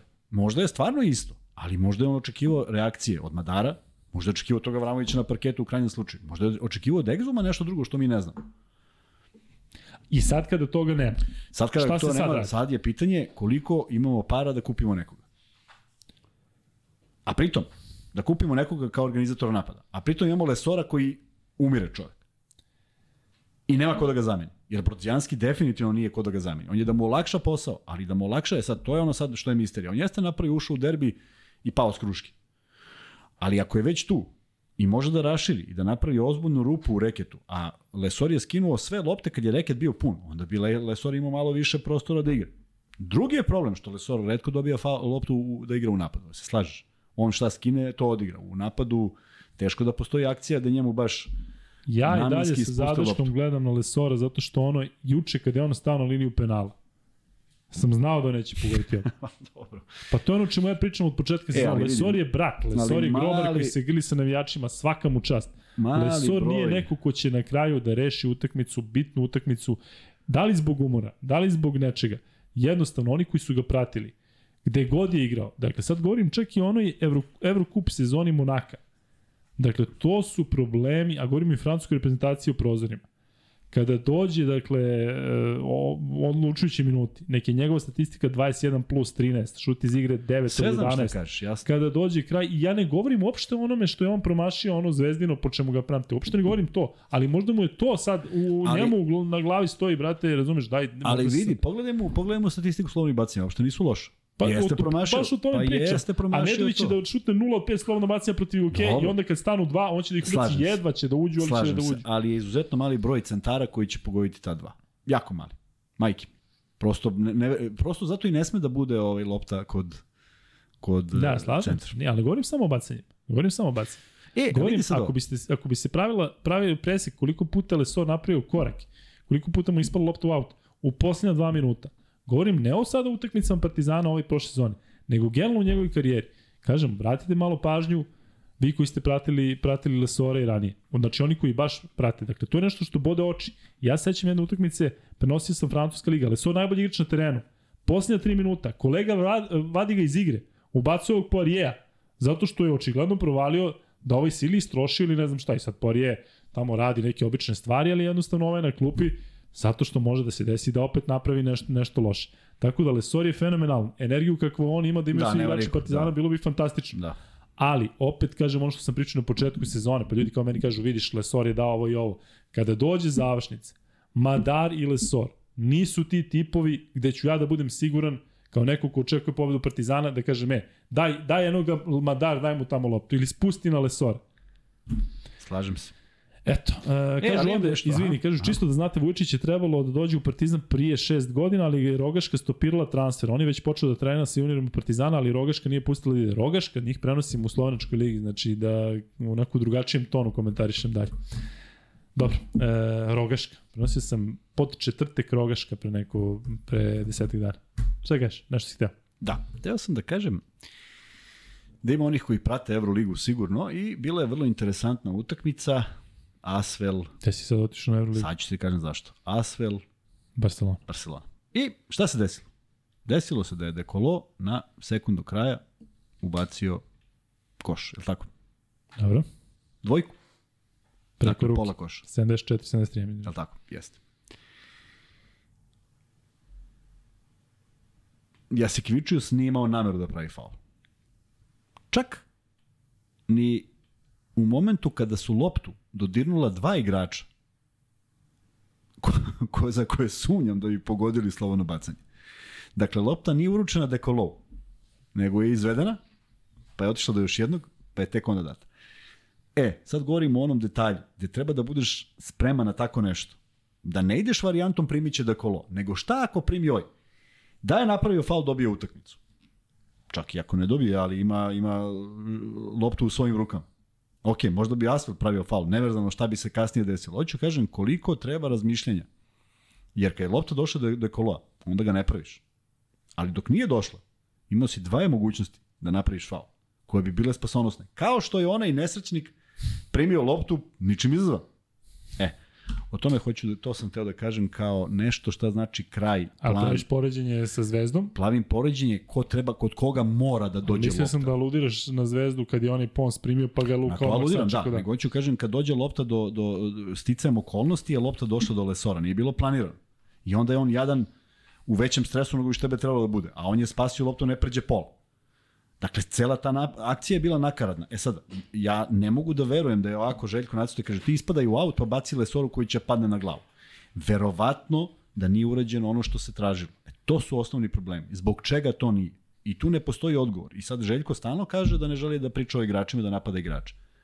Ali šta, šta nam onda kaže? Kako, nacitao sam ovu akciju? Pa nisam. Da. Negde moraš da kažeš da nešto nije urađeno. Ne moraš javnosti, ne nam. Da kažeš njima, ej ljudi, pa zašto? Jer mnogo je jednostavno sve to što on traži uvesti loptu i da dođe do najboljeg strelca penala, a ne da šutira Lesor za utakmicu. Prema tome, sve nekako naopako I što je može da se popravi. Pričat ćemo naravno kad završimo sada sa FNP-om, da. pričat ćemo o utakmicama koje slede koje sutra slede, i u e, pet. Što je najgore slede teške utakmice, da. Da.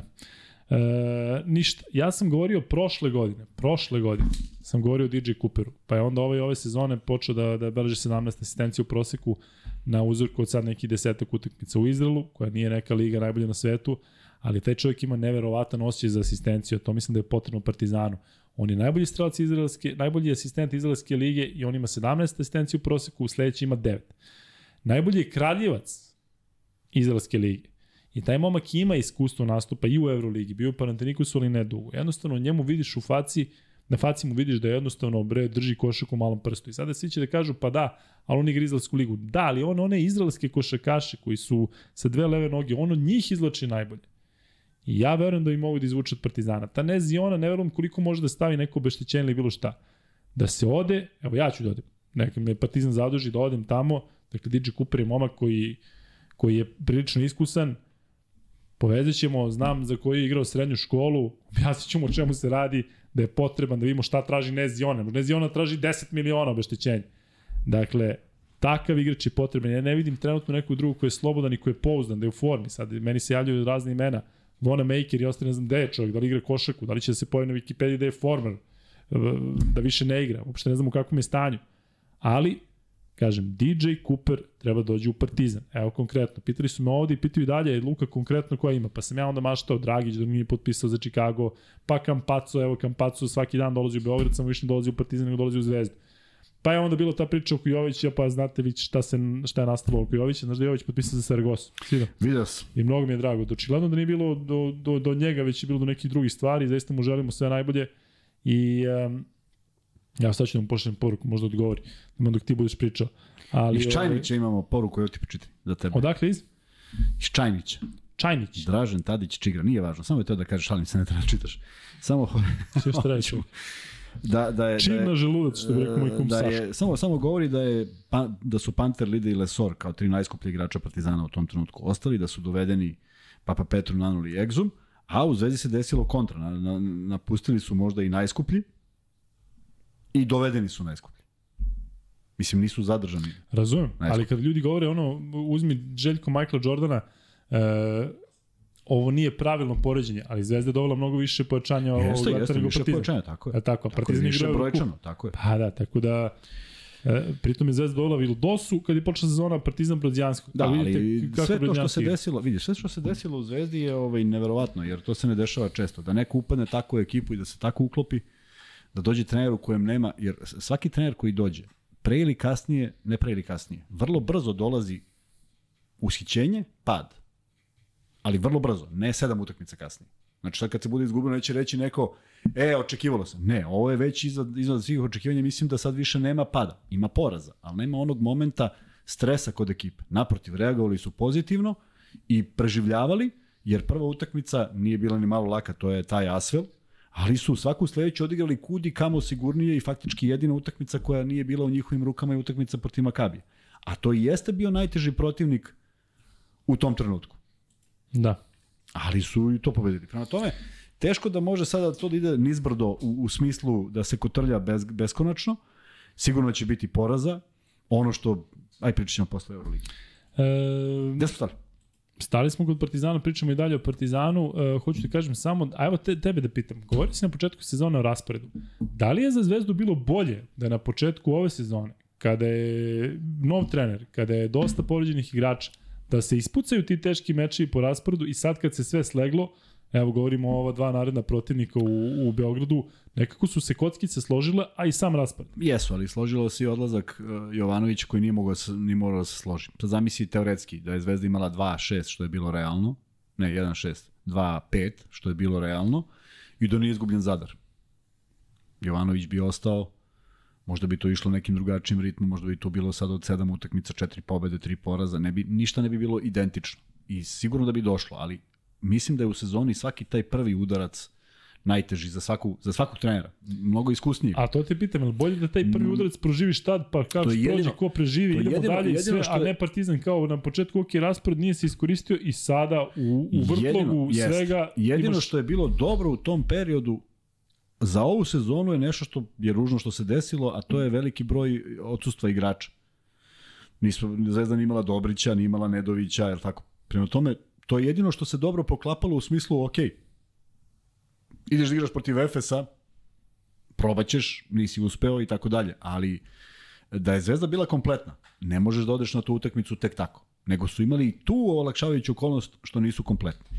A Partizan još nije kompletan. A Zvezda je sada, Sem Ivanovića, opet smo videli nove igrače i to ne neke igrače koji su samo nešto uradili na terenu, nego koji su zaista odradili dobar deo posla. Prema tome, kad se Ivanović bude oporavio, ja želim da se to desi što pre i da ne izađe iz, iz dobre forme u kojoj je bio, Zvezda će zaista biti ovaj, pa mislim konkurentna i, i, na, i da, da više nema strepnjera od gostujućeg terena. Pogodilo se ovaj raspored koji je fantastičan. Pazi ti koliko je sad tu sreće da se pogodi da Zvezda ipak igra u Beogradu to jedno jedino gostovanje. Mislim, nije, nije bilo realno, niko nije gledao to s početka i rekao u ovo će biti strava. Naročito što je ta utakmica išla u smeru da je Partizan bio taj koji je bio opet bliži pobedi. Prema tome, poklopilo se mnogo toga, ali se poklopilo neko samopouzdanje koje očigledno igrači Zvezde imaju i I, i, I definitivno razumeju šta im se kaže. A mislim da vrlo eksplicitno shvate šta, šta će se desiti ako ne urade to što se traži. I to je jednostavno. E, da, e, možemo da pređemo na Euroligu ili prvo da prokomentarišemo i poslednji meč Aba Ligi. Pa nije, bilo je još tu nešto utakmica, ali nećemo... Da, njima, bilo je, ne? bilo je još, bilo su još dve utakmice, tačnije, bila je utakmica Da, spomenuo e, ajde, pa daj, daj da, da ih ispucamo. između Splita i Mege, zbog čega nemamo večeras Zbog čega gosta. nemamo gosta. Da. Da, Split Mega 79-75, Split je bio, koliko se sećam, posljednji na tabeli pred ovo kolo i pobedio je Megu. Ja sam gledao tu utakmicu i ipak. e, nevjerovatno koliko je Mali Đurišić izrastao u odnosu na leto kada sam bio u dvorani tokom celog turnira za ove klinice do 18 godina i on se zaista razvio ovo, međutim, dosta nekih grešaka kada se nadamo da sve to ide u rok službe. Ono što se meni ne dopada, posljednja četvrtina počinje, e, Split ima 11 razlike, I lopta ide u ruke Roriju i Rori koji ono ima prezime, znam psa koji se zove Rori, e, on preuzima odgovornost i ono što je najgore pogađa trojki i on jednostavno ovo. Dakle, i na kraju mladi igrači Mege, Branković i ovi jednostavno u završnici ne uspevaju da, da, da to preokrenu. Split nije ekipa drugog Dragan Milosavljević koji je trebalo da bude naš gost, ne svira se faul na šutu za 3 poena i to ja sad razmišljam, možda grešim, možda će mi neko zameriti, ali u ovakvoj situaciji sa takvom igrom Mege, Dragan Milosavljević nema tu težinu kao nekada kapitan Partizana i neko koji je igrao, koji je igrao u, u, u mnogo većim klubima, koji je igrao Euroligu, jednostavno očigledan faul, ne svira se. I jednostavno malo je onako tužno videti, videti um, i njega, recimo i Novicu Veličković i ove ostale tu, tu, tu ta imena, kako se jednostavno muče, ne podcenjujem Split, nemam ništa loše da kažem, ali ona ekipa, taj šorter i ta ekipa, to, to kažem je delo je divlje, ali dobili su, ni igrao Rokula ni Ukić, on nosi neku težinu, jako je previše, previše iskusan. I sve u svemu, kažem, ne znam, ne znam da li, ne znam kako to utiče na igrača. Nisam bio u toj poziciji da ja budem mlad igrač i da sam ne znam kakav i da me neko uzmi da me delje tako i onda ja kao odem negde u NBA ligu ili ne znam šta, ali dosta je recimo svi ljudi pa, će da se sada vrate na Jokića, na ne znam, uh, Megine igrače koji su postali najbolji na svetu i hit u NBA ligi, ali ima mnogo njih koji su loše prošli. Kako ne? Mnogo više nego ovih što su... Mnogo više, tako je. A, samo se vratim na ovo što si konstatovao za Gagija, da, da odjednom ne dobija faul za nešto što je očigledno. Ovo, ovaj, kao da postoji... Ajde da ga nazovemo povratnikom. Gagi Milosavljević je povratnik u ligu. Kao da postoji neka želja da se, da se te sudije, da sudije nešto pokažu tom nekom Gagiju. Mm, pokušat ću da ti objasnim. Ilija Kovačić me pozove na jedan turnir 3 na 3 Slušaj, UNICEF-ov turnir, ja bio u Banja Luci. Ja iz Banja Luke zapucam i stignem stvarno na vreme u dinamiku u halu. I tu mi igramo sad nešto, ne znam kako se zovemo, i Predrag Kosanović koji igra za Beograd igra sa mnom, ne znam ko je bio treći, nije ni važno, i sad mi malo onako, znaš, zbog ponosa, ajde da pobedimo. I gubimo, gubimo, ne, ovi momci ne mogu promaše. I mi nekako, ajde, jedan koš, pa koš i faul, pa ovo ono, i dolazi moment, poslednji napad, treba nam koš i faul. Ja ulazim, ja, ja ulazim. Bivši košarkaš, kakav god i šta god ja bio u svetu košarke. I pravim fintu. I čovek skače. Ja se podmetnem i on se srolja onako na mene. I ja izbacim loptu u nadi da ga dam i čovek svira faul u napadu. I ja sam ostao bez teksta. Zato što na, nešto ne razumem odluku nego što kad bih ja video nekoga ko zna da igra i nekoga ko je amater u tom kontaktu, pa ja bi, pa ja bi po logici stvari shvatio da je ovaj naseo na fin. Hoćeš da kaže da se sudija malo kur. A on kaže, e, ti si mu kao, ti si tražio kontakt. Ima šest godina, verovatno, ovaj, života. Mislim, mlad neki sudija, da mi objasni kako sam ja tražio kontakt. I onda odeš poražen s tog turnira. Nešto si izgubio. Nemam ja problem da izgubim. Nego odeš poražen, jer uh, upravo se vraćam. Zamisli da se aktivno baviš i da se se vrati ovde. I da ti dođe sudija koji ti sudi to što ti sudi. I da ti objasni on sa svojih dve godine iskustva neke ligice kako to izgleda kontakt. Čovjek pao preko mene, još se izvinio. Još, još se nasadio, ovaj, udario me potpuno. Udri to zvonce. E, hoću ti, kažem, hoću ti kažem da, da, da su to ovaj motivi koji stvarno postoje, da neko nekom nešto dokaže i ja ih ne volim. I mnogo mi je žao kad igrač prolazi to, jer uh, zato, zato kad odeš jednom ne vraćaš se. Zašto tamo te ipak niko ne zna. I šta ga nekog tamo u Litvani briga što ti u 36. godini igraš tamo jer on te doživljava kao nekog. On će te stalno držati u jednom istom kalupu, ali neće nikad doćeti ni privilegiju ni, ni neprivilegiju. A ovde ti se desi da izgubiš i ono, onaj kredibilitet koji si imao, a pritom verovatno je Gagi jedan od najstarijih na terenu tamo. E, mislim da je to kombinacija toga što pričaš i apsolutno neznanja. Vidiš da sudi ima i to, ima i to, a, ali i ovo, znaš. A možda i ono kao da ne, o, o, da ne sudim ovom, kao, znaš, da. ono, Sudiš bre čoveče šta je faul, a ne ko, ko, je, ko je pravio, ko nije pravio. Tako ja da, čuo ovaj... sudiju, iz njegovih usta je izašlo, kaže, uh što volim kada tako odsudim nešto, pa onda budem Et, u centru pa pažnje. E, pa to je to. to Životom mi čovjek izgovorio, ja gledam, ako se, mislim, reći, šalit će se, nema šale uopšte. E, prelazimo sada na posljednju utakmicu. Imaš još nešto da kažeš Kuzma za Split uh, FNP? Nemam, nemam. Žao mi je. Split, nisam, mega. Ne, žao mi je i neočekivani poraz. I stvarno kad sam gledao, pratio sam utakmicu i rezultat u nadi da će Gagi imati slobodan dan. Međutim, istog momenta kad sam video ovaj, poraz, naslutio sam pa smo podelili to sinoć, to jest kad se završila utakmica, da, da postoji mogućnost da neće doći i da zna ako slučajno gleda da nemamo nikakva ovaj, ona, ljutiš osjećanja, jednostavno razumemo sve to i bit će prilike, a i mi ćemo ga kontaktirati samo da bude dostupan na mreži. Ove, ovaj, da. Sledeći meč i poslednji, dakle ovaj koji je odigran danas, FNP je pobedio Cibonu 111-75. Da, igraju momci odlično, prosto zaista lete po terenu i jedna dobra hemija. Nenad Stefanović koji je bio naš gost, očigledno zna šta radi, očigledno ima dobru komunikaciju sa igračima. neko me je pitao danas da li bi Jenkins mogao da, šta je bilo s njim i nije, nije odgledao podcast. Ja kažem da ima tešku godinu i da, je, da se on nalazi na mestu koje mu je odlično i da pauzirao, se vrati. on je pauzirao, nije on igrao prošle da, tako je. I da se nalazi na mestu koje mu pripada i da je na tom mestu i da eto sa svojih sa svojim iskustvom i ovim što radi na terenu sasvim može da doprinese, međutim odličan spoj jedne mlade ekipe sa dovoljno iskusnim igračima, tako da ovaj Ja moram da kažem da mi je jako žao što FNP nije prošao u Ligu šampiona, zato što mislim da bi, da bi tu gazili. FNP ima skoro 8-2, taj uh, skor da, da, ima i Partizan, baš ima želeli, jeste. 8-1. Ali šta se desi kad naletiš na nekog protivnika, ne možeš ga skautiraš, ne možeš ništa. Da, ali stvarno tu bilo tu su bili neki neverovatni Jest, faktori šta se tu desilo u toj utakmici, to možemo da pričamo, pričali smo i ovde sa Nenadom. Hoću da kažem da sam siguran da će Nenad biti veliki trener. On je već sada, dakle, čovjek ima ekipu sa kojom je prvi u ABA ligi.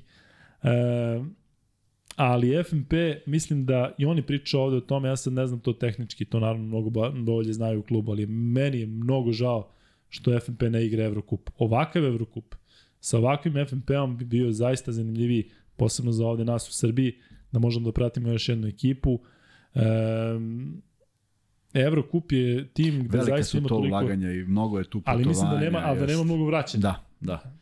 FIBA liga ipak onda, ima, znaš- ima tu neke bonuse i nešto što pokriva, pa je Jest, verovatno i jest, to bila jest, ideja. jest. Mislim da bi bilo dovoljno dobro takmičenje. Ali samo jedna, samo jedna stvar koju možda... Ne... Sve čestitke, hoću da kažem, da. FNP-u, dakle, momci, zaista fantastično skautirana ekipa, fantastično uklopljena, deluju kao porodica i mislim da bi ove sezone mogli da, da budu onako ozbiljan, ozbiljan e, faktor u smislu da, da možda pomrse račune i, i, i nekima...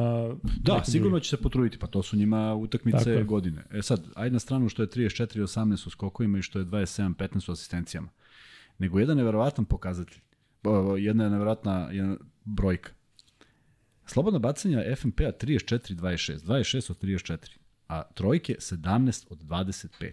Da, nevjerojatno. Dakle, to je razlika u jednom šutu procent, procentualno, jer neverovatno, ja nisam vidio da neko šutira 68% kako god. To je jedino što ne možeš da prevariš na terenu, prosto ovaj, ne možeš da uđe nešto, ne možeš, bliž, ne možeš bliže, mora bude iza te linije, prema tome svaka im čast. Naravno, 7 od 8 je imao ovaj Frazier, 2 od 3 Stepanović, Bić i Šaranović i Vudrag, Vudragović 100% sa 1-1, Jenkins 2 od 4, Manojlović 1 od 2 i Valinskas 2 od 4, neverovatno. Meni Svi drago su na što je- 50 ili na 100%. što je Luka Vudragović e, odigrao bar malo, postigao jednu trojku i tom momku zaista da I želim... Stepe, momak. Iz? Stepe. Iz Step? Šalim se. Zezi, zezi.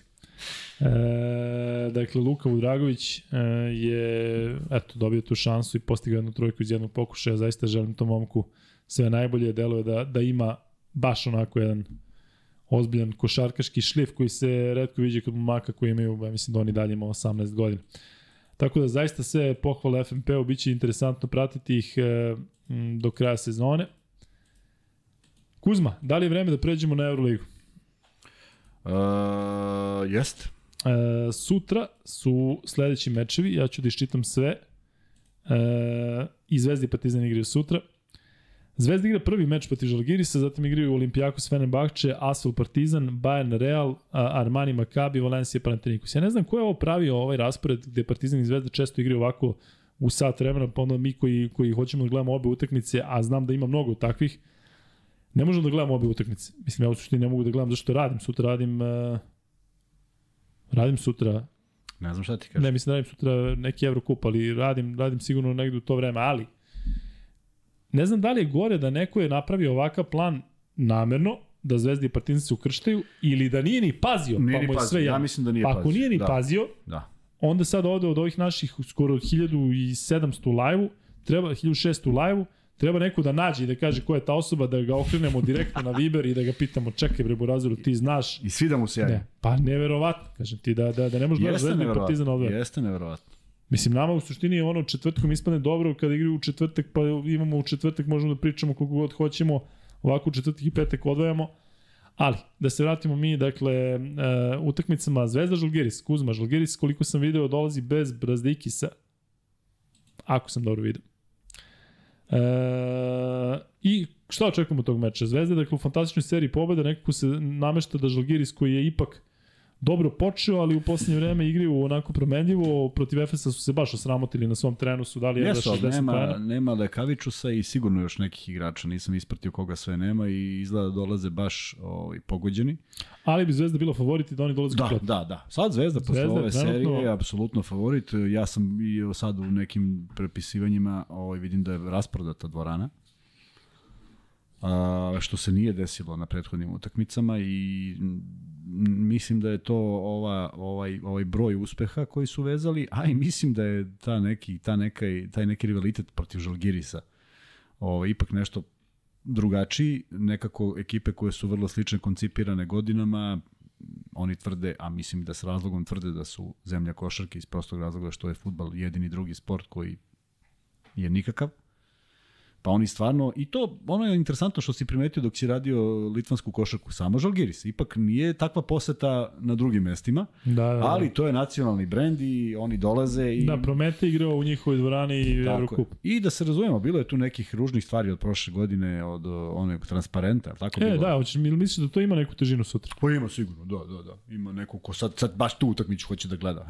Ali ovaj, mislim da opet uh, onaj apel, uh, ako je derbi, derbi prošao bez problema, neka prođe i ova utakmica protiv Žalgirisa. Ja se iskreno nadam da će Zvezda igrati tako da neće biti potrebe. Ali ajde jednom da sudije ispionirađu sa aplauzom. Znaš, nema veze uopšte kako sude, nego, nego ako Zvezda pobedi, samo da ih isprate aplauzom i da kažu da i to moguće da se desi. Uh, ne treba ih mnogo ovaj, gledati. Mislim da je Zvezda u ovom trenutku toliko dominantna i toliko sigurna da čak i da sudije dođu i da namerno sude protiv Zvezde da ne mogu da poremete dakle, ono što je Zvezda. Dakle, mislim da je Zvezda sad toliko nedodirljiva i čak mi je s neke strane žao zato što nema nekog jačeg protivnika. Mislim da Zvezda sad u ovom naletu kogod da dođe u pionir ne bi bio favorit. Vidi, da, daj Bože da je tako, ja bih voleo da si ti u pravu i da to ovaj e, da to bude tako, ali uh, mislim da to opet polazi od pristupa Ivanovića, da ih on sve baždari za Armani, Armani ne postoji. Tako Sve ih baždari za Žalgiris, da svi tu cepaju. Da li će biti isti sastav protiv Armanija? To niko i ne zna. Dakle, sad je fokus na ovo, ajde sad to i da jednostavno a, a, a, a, još smanje broj izgubljenih lopti. Faulovi su fenomenalni i ja bih volao da vidim još malo asistencija, ali mislim da sad postoji ozbiljan ovaj, uh, potencijal u napadu, iako me, ajde da kažem, brine što Mitrović ne igra, ili bar nije najavljen da će igrati zbog te povrede oka, što onako ipak uh, donese jednu zabrinutost u reketu. Međutim, ako Žalgiris i vidjet ćemo u kom sastavu će oni doći, ipak nemaju ni oni igrače koji imaju dovoljno iskustva, e, ne talenta, ja mislim da oni imaju isto vrlo talentovne igrače, ali prosto Euroliga je sada jedan druga, jedna druga dimenzija, pa tu malo zavisi a, i snaga i energija uložena i tu Zvezda jeste u prednosti i ovo je prva utakmica u ovoj sezoni gde ja stvarno mislim da Zvezda jeste favorit. Na svom terenu protiv Žalgirisa u jednom dobrom momentumu ne mora bude prevelik, ali da bude blagi favorit. Mi e, na sreću nismo igrači Zvezde, na sreću ili nažalost e, i ne može Ivanović da nam kaže da ne pričamo o Ormaniju, moramo malo da pričamo o Ormaniju, zato što mi nećemo zakačiti taj, e, Da. radit ćemo, dakle moramo da pričamo o Ormaniju. Kanta ekipa. E, trenutno ne da je kanta ekipa, međutim, pazi sad ovo, taj Armani čeka svoju priliku da pobedi da promeni sezonu. I ne sme Zvezda da dozvoli da to bude u pioniru. Oni imaju i dalje, ja mislim da će se vratiti neko od ovih igrača koji su povređeni. Taj Armani se podiže, da se nalažemo, oni su odigrali juče dobro u domaćem prvenstvu i oni su protiv Panathinaikosa igrali jako dobro, oni su vodili nekih, ne znam koliko bilo, više od 10 razlike. I onda su na kraju ušli u ovaj svoj mod devijantnih poteza. E, samo da me sinu vidim kako izlazi iz pionira ovaj, onako sa spuštenom glavom i ako može još i otkaz da dobije i to će biti to će biti dobro. Tako da Zvezda ima dobru priliku da da dobije dve utakmice za redom. Kuzma je bolje za Zvezdu da recimo igra sada kao što sam rekao protiv nekog jačeg eki, jače ekipe ili protiv Armanija koji čeka priliku da se izvadi iz svega. Ili ne treba Znaš da razmišlja uopšte. ne, ne, biće, biće vrlo ovaj, neizvesno. Ja ne, ne mogu kažem da će ova utakmica da je izvesna protiv Žalgirisa, ali Armani, Armani uh, opet zavisi šta bude uradio. Oni su u, u ozbiljnom minusu. Gledao sam izjave Mesine gde on prosto čovek ne zna ni kako da reaguje. A, a vidiš, uh, uh, v- kako bih rekao, vrlo slične situacije Mesinu, prolazi Mesina sad...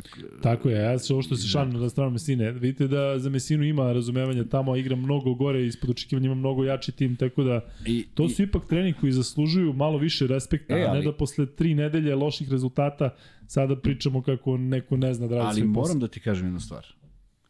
Ja stvarno ne znam kako bih se osjećao na minus 46 ovo što je uradio Virtus. Ja prosto mm, ja, ja nisam izgubio 46 razlike nikad. Ni od koga nikad. I ne znam kako bi se osjećao da sam izgubio. I ne znam kako bi se osjećao da sutra dođem i kažem na trening i, i u, u petak kažem, ej, izvini, je plata na vreme? Ali stvarno ti govorim. Zato što ja mislim da niko nije izgubio toliko. Ne znam, ne znam da li je neko izgubio 46 razlike. Sa trenerom koji je prvak Evrope. E, to je sad ta druga dimenzija onoga što smo mi strepeli što smo osjećali sve te emocije imali kada smo igrali, jer ti ništa nije garantovano.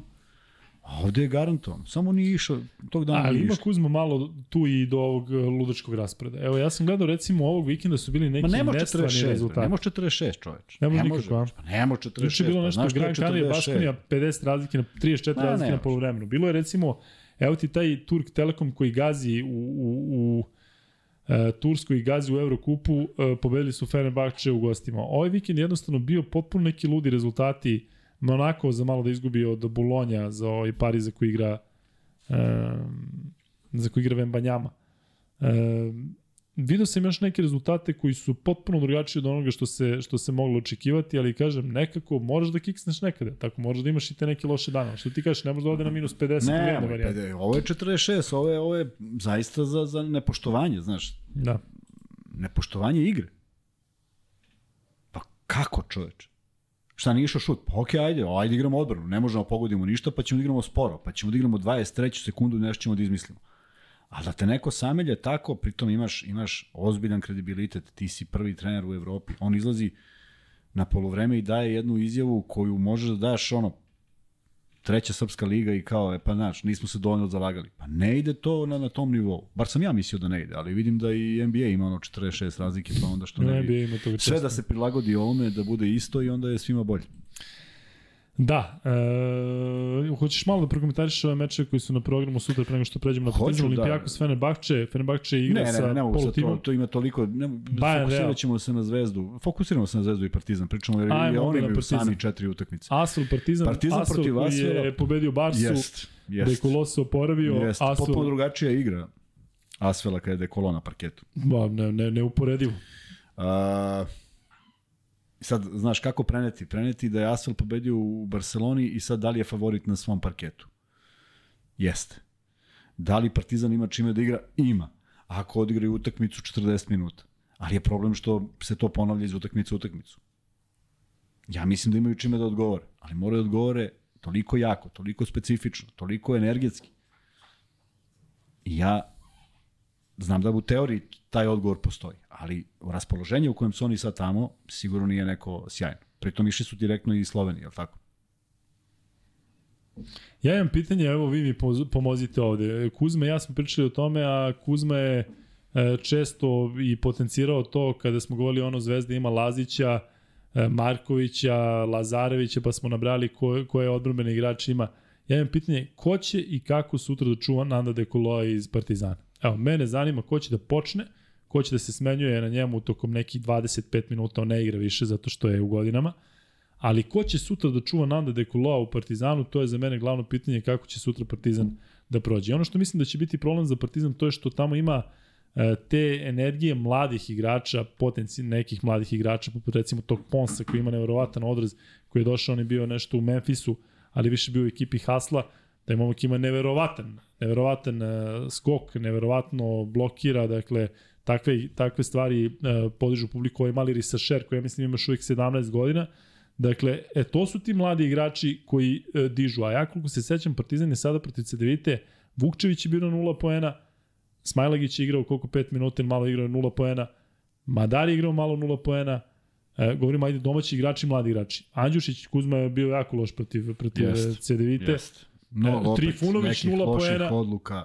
Ja ne znam, ne znam čemu da se nadam sutra kako da Partizan. Eto, možda se uzdam u tog egzuma, u energiju Lesora, koji želi da se pozdava, da se pokaže ipak ide, ide u domovinu. Egzum, dakle, koji, koji je protiv CDVita ipak odigrao dobro na stranu, ajde, neke stvari u završnici, da očekujemo da se Panter podigne, ali moram priznati da nema mnogo optimizma u smislu šta očekujemo od Partizana. Pa, pa Petru je, podiže nivo svoje forme, ali to se nekako ne, ne, u bog zna kakvoj meri ne odražava na igru Partizana, tako da ja ne znam, eto. Ja opet se okrićem Ledeju, ja u njega možda imam najviše poverenja, da on jednostavno bude taj koji će da sada podigne ekipu svojom dobrom igrom na obe strane terena, ali da sam skeptičan, skeptičan sam. Partizan mora da dobije ovaj meč, ili kažem kriza, ako potrebe neko ovde bio napisao da Partizan izgubi sada ova dva meča i ode na 4-10 i onda o čemu da pričamo dalje. Tako da ovaj, um, E, slušaj sad... Biće jako interesantno, kaži. Potpuno iskačem iz svega toga. Sad mi je Ajde. poslao čo, poruku čovjek koji je dizajner u jednoj firmi i ja sam mi slučajno izbrisao. Samo nek pošalje ponovo. Dizajner koji je poslao Kuzmi na Luka i Kuzmi Instagram, da, tako? Da, na Instagram. Sad, Kuzmi sad nas gleda, sad nas gleda i pohvalio nas je i slučajno sam teo da ga... Da, da... da ga pohvališ i onda Kuzma izbrisa da, da, to je, da. Zato, zato Kuzma rukovodi našim Nek... Instagramom, što briše važne, važne poruke. Da. Ne, ne, ovo, ovo, stvarno video sam poruku i taman da, da je ubacim, da, da odgovorim, ja sam greškom ovaj, izbrisao ali sam zaboravio ime jer nisam ga u suštini ni video. U da. svakom slučaju, ovaj uh... Evo Kuzma, ko će čuva dekola? Dekolo će čuvati Madar ili Egzu. Nema treći. Madar da pokuša nešto agresivno, pa, ali govori kad se... Kad nasadi Madara na lakat jedan, o, kad da, bude onako to, prišao, onako, sigurno, onako, onako, sigurno, krene, ali, opa. Ali postoji samo i druga opcija, to da bude Egzom. Ne vidim ko bi treći mogao to da radi u... Piše ovde Naneli. Mm, ima Naneli godina i poznaje Dekoloa i sve je to u redu, ali znaju se i su više dobro. Da, znaju se i sve ne bakče. Ali zna i ovaj da. kako brani. da, da, da, Dekolo zna kako, kako da brani. Brani. u svakom slučaju nezgodna utakmica za Partizan. Baš nezgodna. Baš nezgodna, jer, jer možda bi, ne možda, sigurno bi to sve izgledalo drugačije u momentu u momentu pobede u ovaj u u u Ljubljani. Bilo bi bilo bi za za nijansu drugačije, steklo bi se neko samopouzdanje iako ta utakmica i da je završena tih pola koša za Partizan, ne može da, da niko kaže uh kako je bilo strava. Sve nam je išlo jer ne bi bilo pola ali bi malo drugačije bilo. Ovako, još jedna tenzija pred utakmicu koja nije ni malo laka, a koliko god, ja kažem i Željko sigurno nikada ne priča o utakmicama napred, koliko god ti sad razmišlja o Asfelu, ti znaš da je da za dva dana Efes, dakle još teži. Sad razmišljaš šta ako ovo pobedimo, onda idemo ove da gruvamo, a šta ako izgubimo, onda smo još u većem problemu. Hteo, ne hteo, imaš to u glavi. Uh, ja mislim da, da, da, da je vrlo bitna pobeda za Partizan za nastavak sezone ovo, ovo što se dešava sad u Vilerbanu. Uh, vrlo malo vremena za oporavak, s obzirom da u četvrtak već igraju protiv aktualnog šampiona. Tu postoji još jedan veliki rivalitet. U petak igri. U petak, da, u petak, da, oni tri dana kasnije. Tu postoji još jedan veliki rivalitet, to je Ataman i Željko. Znamo sve izjave iz vremena dok je Željko bio tamo, znamo sve šta se dešavalo i znamo kolika je želja da ovaj, pobediš, da pobede jednog drugog. Trenutno u boljoj situaciji svakako Ataman, koji će opet biti ono glavni za zvižduke svih navijača, to, to sam ubeđen, ali iskoriće svaku priliku i sigurno da neće želeti da ovu utakmicu tek tako prepusti slučaj, što je... Da, mi ćemo imati prilike da pričamo o tom mm -hmm. meču uh, protiv Efesa, zato što da. ćemo odjaviti Zvezdu u četvrtak da, da, i pa najaviti pa Efes, tako da nećemo sada da trošimo veze, da. vreme na Efes. Um, e sada, ja ću da kažem jednu stvar koja mi je na srcu, a to je da mi se ne dopada to što je uh, Zvezda rasprodala karte sada. Zvezda je trebalo da ima puno dvorana od početka sezone. Zvezda je trebalo da ima publiku Jest E, na svim mečima i ABA lige i Zvezda je trebalo da ima ovako fanatično navijanje od početka sezone kada nije baš išlo najbolje. Tako da ja nisam pristalica toga, aha, e, ti navijači kao, evo, sad je Zvezdi super, idemo na utakmicu. Kao, zašto ovo pričam, što nisam pristalica toga što vidim da će sad možda biti manje pompa za Partizan. Dakle, treba biti tu i u dobru i u zlu, a i Partizan i Zvezda su prolazili ove sezone i uspone i padove. Tako da ili smo, ili smo uz klub ili nismo uz klub, Mi smo ovde zaista uz, uz, uz jedne i uz druge, koliko god to vama delovalo da nije, ja se zaista nadam da ćemo uh, u petak moći da, da konstatujemo da su Zvezda i Partizan zabeležili četiri pobede, ali je mnogo realnije da Zvezda ostvari bolji uspeh e, ovog još jednog paklenog kola u Euroligi. Tako da, e, sve u svemu, Kuzma, mi smo, ajde da kažem, kompletirali ovu priču u Euroligi. U Euroligi mogli bi da, ovo pazi, između ABA ligi i Euroligi, rekao sam Euroligi. E, mogli bi da ispucamo jedan free bet Vanju Gasio i Pol, da imamo 1505 glasova. Genijalno. I evo neko je rekao, kaže 1500 glasova, 500 lajkova. Šta radimo? Neće ljudi da lajkuju. Šta da radimo? Ne možemo. Hvala ja. i za ovo do sada, pa neko će da klikne. Gotovuša se javlja. Ljudi, znamo da je na Kosovu se dešava sve i svašta. Zaista se nadamo da ste dobro. E, neko je napisao da mi celu situaciju olakšavamo ovim podcastom. Zaista nam je drago ako je tako i nadamo se da će sve biti okej. Vidimo da se tamo priča sve i svašta, da se dešava sve i svašta, da ste živi i zdravi i da, da, da sve to nekako prođete najmirnije moguće, to vam najiskrenije želimo, a posebno što se tiče Gotovuše, e, nadamo se da, da, da ste tamo da ste tamo okej. Okay. E, Kuzma Luka, da li će Zvezda Partizan morati da igraju na strani, jer samo nije započeo oružni sukob na Kosovo Metohiji skoro do rata? Pa stvarno se nadamo da neće doći dotle, da neće doći do toga zbog ljudi dole i zbog svega, onda će sport biti u drugom planu, ali svejedno da. mislim da neće doći do toga zato što zato što se nadamo mislim da, da nam je dosta svima ovde tih da, dešavanja. Da, ali, ali vidiš kuda vodi svet i šta se sve dešava i Ne mogli mi Kuzma da odemo na Kosovo? Ne bi mogli da odemo na Kosovo. Pa teško, mogli da odemo teško, teško. Ajde, molim vas, svi iz Gotovuša nam reci kad bi se, kad bi se Lukas Pasovski i Vlada Kuzmanović sada zaputili dole, Jel bi to fizički bilo moguće? Ja znam za ovu priču da ne može da se ode dole ili već kako, ali jel bi mi mogli da prođemo i da dođemo dole zato što znamo da vas ima dole mnogo? E, napišite nam da li je to izvodljivo. Evo, vi to znate, e, pretpostavljam da, da, da bolje baratate tim nekim tehničkim stvarima, ali eto, to je, to je neka ideja. E, Voli bi da dođemo dole, znamo da, da u Gotovuši ima mnogo oni koji prate podcast Luka i Kuzma i voli bi se vama da pričam uživo. Zanima me samo da li je ostvario za početak. E, drugi free bet. Kuzma, hoćeš ti posle 17 meseci da kažeš neki ne. free bet? Jednom si se uredio i nećeš nikad više. Jednom sam mu rekao nešto mu loš free bet. Jel se, ali ima tu neko naš da, da postavlja free bet, ne? Nema niko. Molim. Drugi free bet je sledeći. Nabrite tri para ovog kola, sledećeg kola, Evrokupa, tri para. Pošto Evrokupu nismo pričali, nismo pričali o budućnosti od CDVT, ajde nabrite tri para Evrokupa bilo koja, da malo ispromovišemo i taj Evrokup i ko prvi e, odgovori, dobit će novi 1000 dinara na MaxBetov nalog, tako da znam da ovde neće stići oni sada da googlaju i da gledaju ovo, već će morati neko iz glave, što znači da neko baš prati Evrokup. Hvala Čedomiru Gaćanoviću, stigala je još jedna uplata za Uroša. Divno. Dakle, hvala puno. Hvala, Stefan je bio prvi, a sada hvala i Čedomiru. Tako je. E, kažu da bi nas kidnapovali dole, šale se ljudi kada bismo otišli. Možda nas znaju, pa ne bi. Možda gledaju podcast. Kaže Žarko Vuković, Luka, ako radim za 70.000 na stan račune, ode blizu 30.000, da li očekuješ da idem na svaku utakmicu sa preostalom platom od 40.000, pa da mogu prvi bi kupio sezonsku? Apsolutno ne govorim o tebi. Znam da mnogi ljudi ne mogu da priušte to, ne govorimo o ljudima kako je sad odjednom poč, krenula potražnja za zvezdanim kartama. Pa što nije bilo tako na početku sezona? Kada je posebno onim turbulentnim periodima.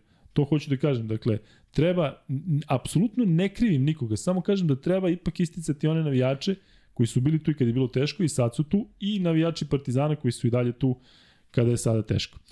Ehm, Još jedan poziv za čoveka koji se javio malo čas, izbrišao sam njegovu poruku, rekao je da je dizajner i da želi da nešto da nam kaže, ali nisam vidio šta. Kuzmine godine će nam će nas ubiti. I ono što je bilo pre četiri podcasta, još samo da podsjetim. sad sam se setio. E sada, da, što se tiče ovog free beta, sad će da bude žurka. Ajde. Ja sam rekao prvi. Bursa, Letkabelis, Pauk, onih kaha sasari, to nije, Razor ovaj pola timova ne igrao. E, Trento, Hamburg, Gran Canaria, budućnost Bursa Letkabilis.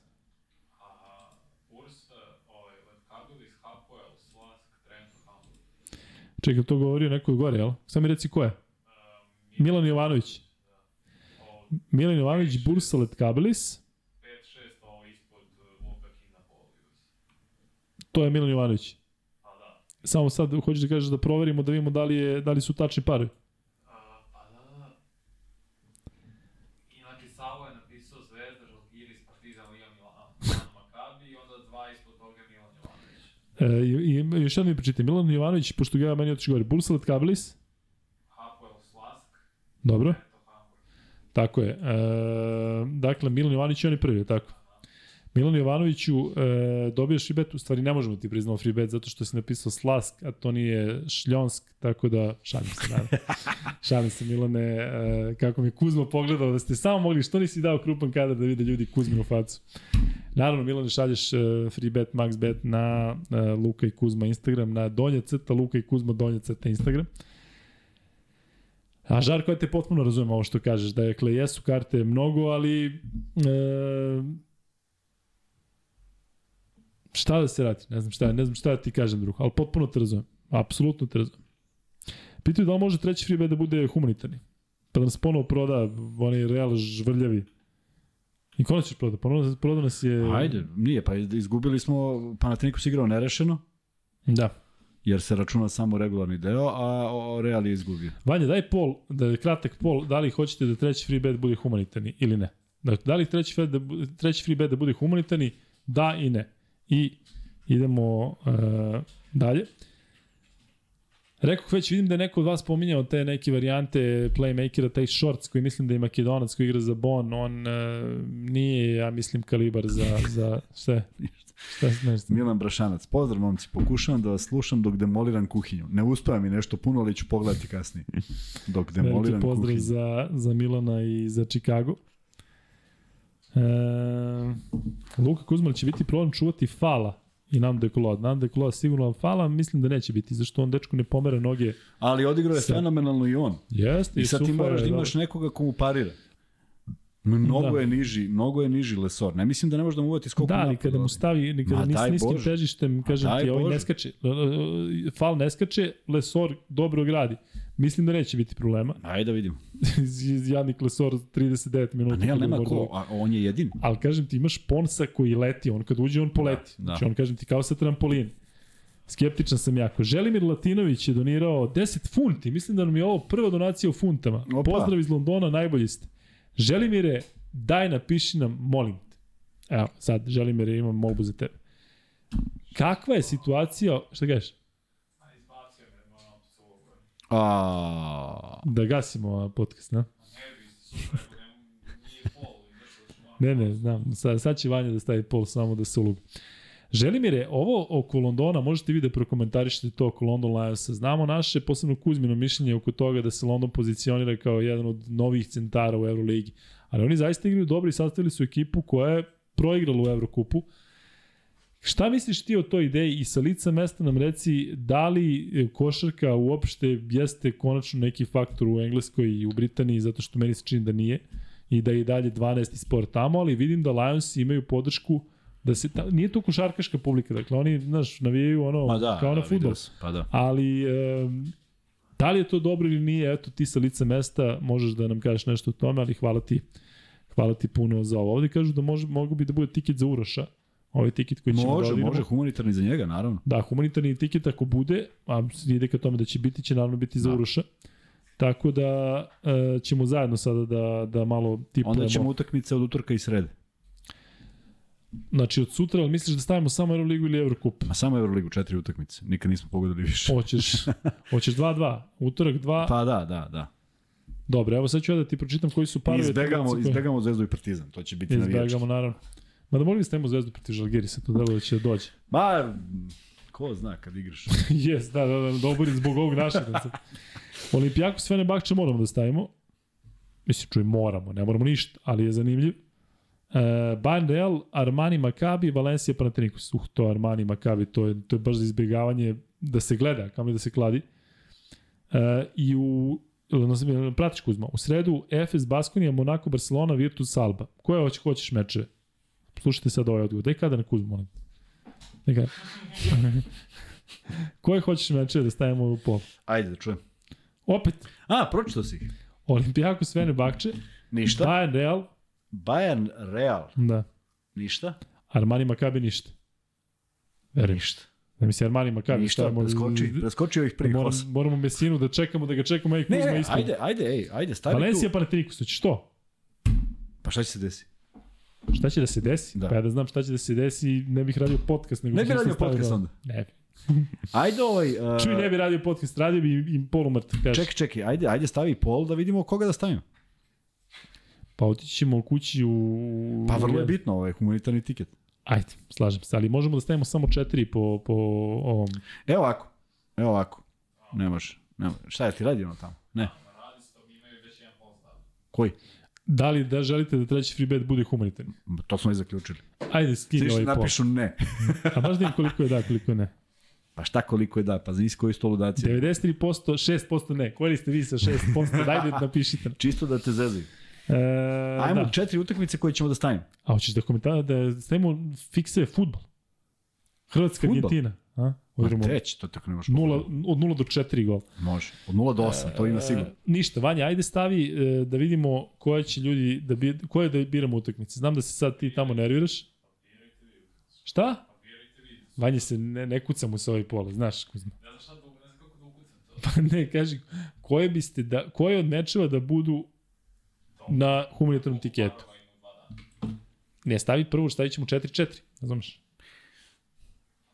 Stavi četiri prvo i nemoj pišeš ništa. Samo stavi četiri, samo stavi četiri za koga će glasaju. Vanja sutra ono ide i traži... I to stavi ovako, ej. Ko igra? Aj se seti ti ko igra. Stavi Oli, Oli, Fb, Fb. Kako se- Oli kako Fen. Oli Fen. Tako, nemoj pišeš sve. je? Oli Fb. Fenerbahč. Znači, stavi samo, dakle, ko- koji želite da, bu, koji želite da parovi budu u humanitarnom tiketu. I staviš Oli, crtica, Fen, Da, i onda će glasaju ljudi. I Baj- prva dva koja budu, crtica, Real. tako je. Onda ide pol, Ovaj, koje jel ćemo da, jel stavimo. da stavljamo ove Armani žvaljavi u... Stavi, pa stavi da imamo koje ćemo. Ajde, Armani Makabi, Ar, Armani Mak, Arma, Armak, i stavi Val Pao. Val Tako. Pao je bombon. jest. E, i koja dva budu, idemo ta dva. Pao, pao. Da. Kako sam pao? Sećate onog klipa, onaj, ono, kad su se zezali oni momci pa su sinhronizovali onaj, ja, kako sam pao? Ne? Ma da, ti si, ti si tad igra u budućnosti, ti si ne se bavio tim klipom. E, mogli da stavimo zvezdu, stvarno, ne možemo vidjeti da, da, da, da je zakompimo. Ne kaže, ovdje ljudi svašta pišu. Kaže, Luka Kuzma, ima malo o futbalu. Daj dve rečenice o futbalu. Ko igra? Argentina, ovaj, Argentina, Hrvatska. Vidi Da. ovako, ovaj, ja sam shvatio da ta svetska prvenstva, to nema ništa od futbala. ne To, valja. pa ne valja ništa. I ovaj, već sam teo dignem ruke od gledanja, a onda je, a onda je odigrana utakmica da je Argentina prošla. Posle onoga što su igrali protiv Holandjana, mislim zasluženo. A onda je došla utakmica ove, Francuske i Engleske, je opet uh, videli smo 22 šuta u okviru francuskog gola. Francuzi na kraju pobedili i onda sam shvatio da tu malo malo futbala ima i neke lepote, jer da ima lepote onda bi ovaj Brazil bio verovatno više pla, u polufinalu, ovako nije. E sad, imam jedno pitanje. Zamisli kad bi Nemačka, Brazil, Argentina, Portugal izašle na teren i igrale samo da osvoje bod. Dobro. Dakle, ne igraju lep futbal, ne igraju futbal radi futbal, nego drže loptu. Ja mislim da bi Brazil držao loptu 80% protiv bilo kog protivnika i bude 0-0. I šta bismo mi rekli? Vidi, ove seljake igrali, ovoliko su jaki. A šta im se isplati u ovome što igraju? Šta im se isplati u toj Mislim da bi trebali tako da igraju, zato Ne, što ne, je i, bilo... tako je, Nemci ne drže loptu, nego daju protivniku i drže na svojoj polovini. Ne možeš da im uzmeš nikad, mogu do sutra da drndaju loptu. Proti koga god da igraju. Ali igraju na 0-0. Neće, napadaju, šta ima da napadaju. I igraju da prođu. I onda bi rekli, za Nemce, Brazil, Brazilce, Argentince, vidi, ovi, ej, kako. A šta im se isplati? Mogu ti teška pitanja za košarkaški Ne, hoću ti kažem, hoću ti kažem, izgubili su od ekipa koji su igrali suprotno, jer ne mogu da se nadmeću. Ali šta kad bi oni, od kojih očekujemo da igraju otvoreno, igrali zatvoreno? Pa to bi bilo negledivo. Tako? Da, da. Ko bi bio u napadu? Pa niko. Ali bi oni prošli. I dođu tako do finala i kažemo, e, kako je do... I sve na penale nešto. Imaju nekog Nojera tamo, brani, ili tako, uzdaju se da će on da odbrani i to je to. E, zato mi se ne sviđa. Ali sad ja ništa, dame, ništa pametno. Dame i gospodo, Vladimir Kuzmanović, e, futbolski stručnjak. Pozdrav svima. Da, da. E, ja moram da kažem prvo dve stvari opšte. Jedna opšta da zavidim zaista svima koji su u Hrvatskoj i, koji trenutno uživaju u futbolu, zato što smo sve to što vi doživljavate, mi u Srbiji smo ovde maštali da ćemo da, ne znam šta, Brazil posle kao oni nas u grupi pa ovo. Dakle, mi smo svemu ovome što vi trenutno preživljavate i u tome uživate, mi smo to ovaj, očekivali i zaista uživajte u tome. E, znamo da ima dosta onih koji nas gledaju u Hrvatskoj i veliki pozdrav za vas. E sada, hoću da samo dam svoje mišljenje o reprezentaciji Maroka. Ne o futbolu, ne o tome što su primili jedan gol i sami sebi dali gol u devet mečeva, već o tome da je Vaho Halihodžić dobio otkaz pred svetsko prvenstvo. Mhm. I to je ispala bomba. Mhm. I sad je Maroko sa tim novim trenerom došao do polufinala, najveći uspeh u istoriji afričkog futbola. Mhm. Viš kako vi, više niko ne priča o tome, kako je to skandal, kako je ne znam šta. O tome, o tome mi pričamo i u košaci. Dakle, neke stvari koje u tom trenutku deluju kao jaoj, pa šta je, pa, Pa to je jeste. neko, pa to je politički, pa, Pa to je tako polo. ide, pa I došao je ovaj čovjek i doveo Pa ekipu naravno. do ovo. Pa jeste, znači, svi ispade sada da taj koji je to uradio, Taj je majstor. da je taj znao šta Taj je radi. vidovit, tako? jeste. A mi ovde kad smo pričali kako je Muslin ovo, svi smo zato što je ovaj Kestajić na odigrao loše, tako, odnosno sa ekipom igrao loše na svetskom prvenstvu. Ne, mi, mi smo, da, ali, ovaj, pa ja, vidi, mi nismo pratili marokansku štampu, možda se tamo pisalo kako je sramota što je ovaj... Jeste, bilo Pa. je toga, bilo je te priče. Pa, Stiglo se kuka i i onda se motika. završilo Gde stvar? tako, Ili misliš da neko sada pominje Sad više ne, ali kad se pominjalo, pa i mi ne bismo pominjali O više. ne. tome ti govorim, dakle, mi da je, par, Sve to. da je, da je Panter ubacio Naravno, za dva naravno, protiv Zvezde. Naravno. u E. posljednjem trenutku da je šutnuo za dva, u posljednjem trenutku i dao. Željko Bradović nikoga ne bi pominjao sada. Dakle, ti si u Tako je. Panterovim rukama imao, tako da onda ove stvari nemaju smisla. Tako? Ne- Nemaju samo smisla, samo smisla se jede jedno, da se dese jednom ili dva puta. Ne, ne, nego govorim da je Panter sad rekao, uj, daj da odigram smisleno. Ajde sačekam koliko vremena, 7, 6, 3, da Moguće, naskočim dva i moguće, da. Željko Bradović bi i dalje bio najbolji trener svih vremena među svima, niko ne bi govorio ovde sada Sigurno da šta. bi bilo mnogo manje... I bilo bi vjerojatno Duško jeste, Ivanović ali- kako je zezno što ni on pravio faul. Ali opravdano je.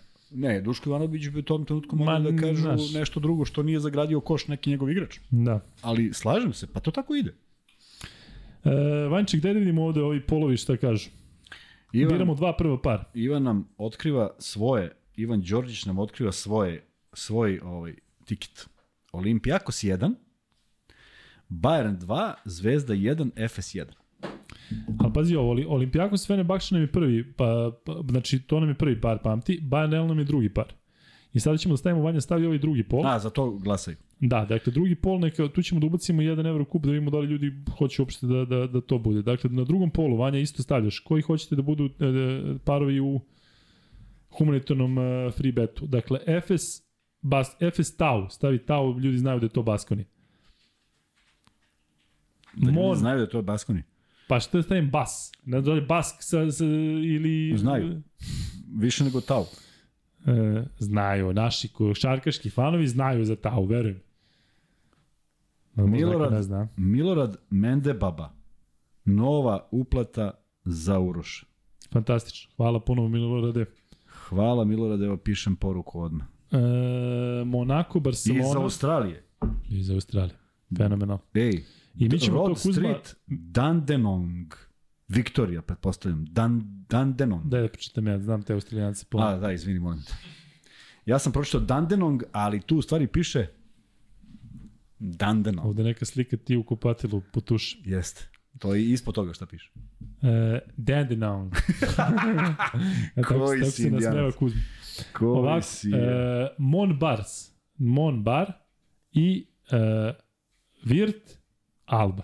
Ja samo stavim Virt, Ne Virtus, nego Virt. Virt Alba. Virtus, stavi Virtu da znaju da je Virtus. Virtu, a? I nek četvrti par bude, uh, hoćemo da stavimo budućnost, da vidimo da li će ljudi uh, da se klade na budućnost. Šta kažeš Kuzma? Stavi, stavi, neka se... E, S kim igra Gran budućnost? Canaria budućnost. Uf, Gran Nemoj, to je teško. GC nemoj. budućnost. Šta je teško? Dobro, ajde. Pa nek stave ljudi neko Ako da veru da padne, li iz hoće. tvog Da džepa daješ. Pa prvo moraju da stave da bude u free bet. Dobro. E, Da. Imamo još 20 minuta podcasta, moramo da, sta, da, sve, da sve stavimo u tih 20 minuta. I Vanjin NBA, i free betove, i Kuzminu odjevu. Kuzme spremi neku neviđenu odjevu. Rekao mm -hmm. mi, kaže, ja za kraj, kao, pusti mi, molim te 10 minuta, moram, nešto mi na srcu. Ne znam šta je, pa ćemo da vidimo. E, dakle, prvi, e, ne možemo da stavimo polu polu, sad ovaj pola i drugi šalim. E, Stavi pod pol sad. mm, pozdrav iz Kambođe. Daj, ne znam. A ako nije fora, onda je ekstra. Kambođa. Čoveče. Znaš da onaj, onaj posebni onaj deo tamo gde onaj manastir uz nekoj šumi. Jesi bio u Kambođi, nisi? Jes, kako nisam, baš nešto kad sam Da, prolazio sad. dole. Obećamo da 2023. idemo u Kambođu. I zato Samo nas pozovi. Tako je da nema šta. Evo od mene, kaže, Zvezda, Kjec, Olimpijako, 163,5 plus. Mogli da ubacimo možda i tek Ne mogu dvosukuš? to da dobacim, kaki da ubacujemo sad to, bre. Ne znam, Kuzma, to da šta treba da stisne. Ubacim 163 plus, ja jedva nađem gde ono da, da upišem jedan.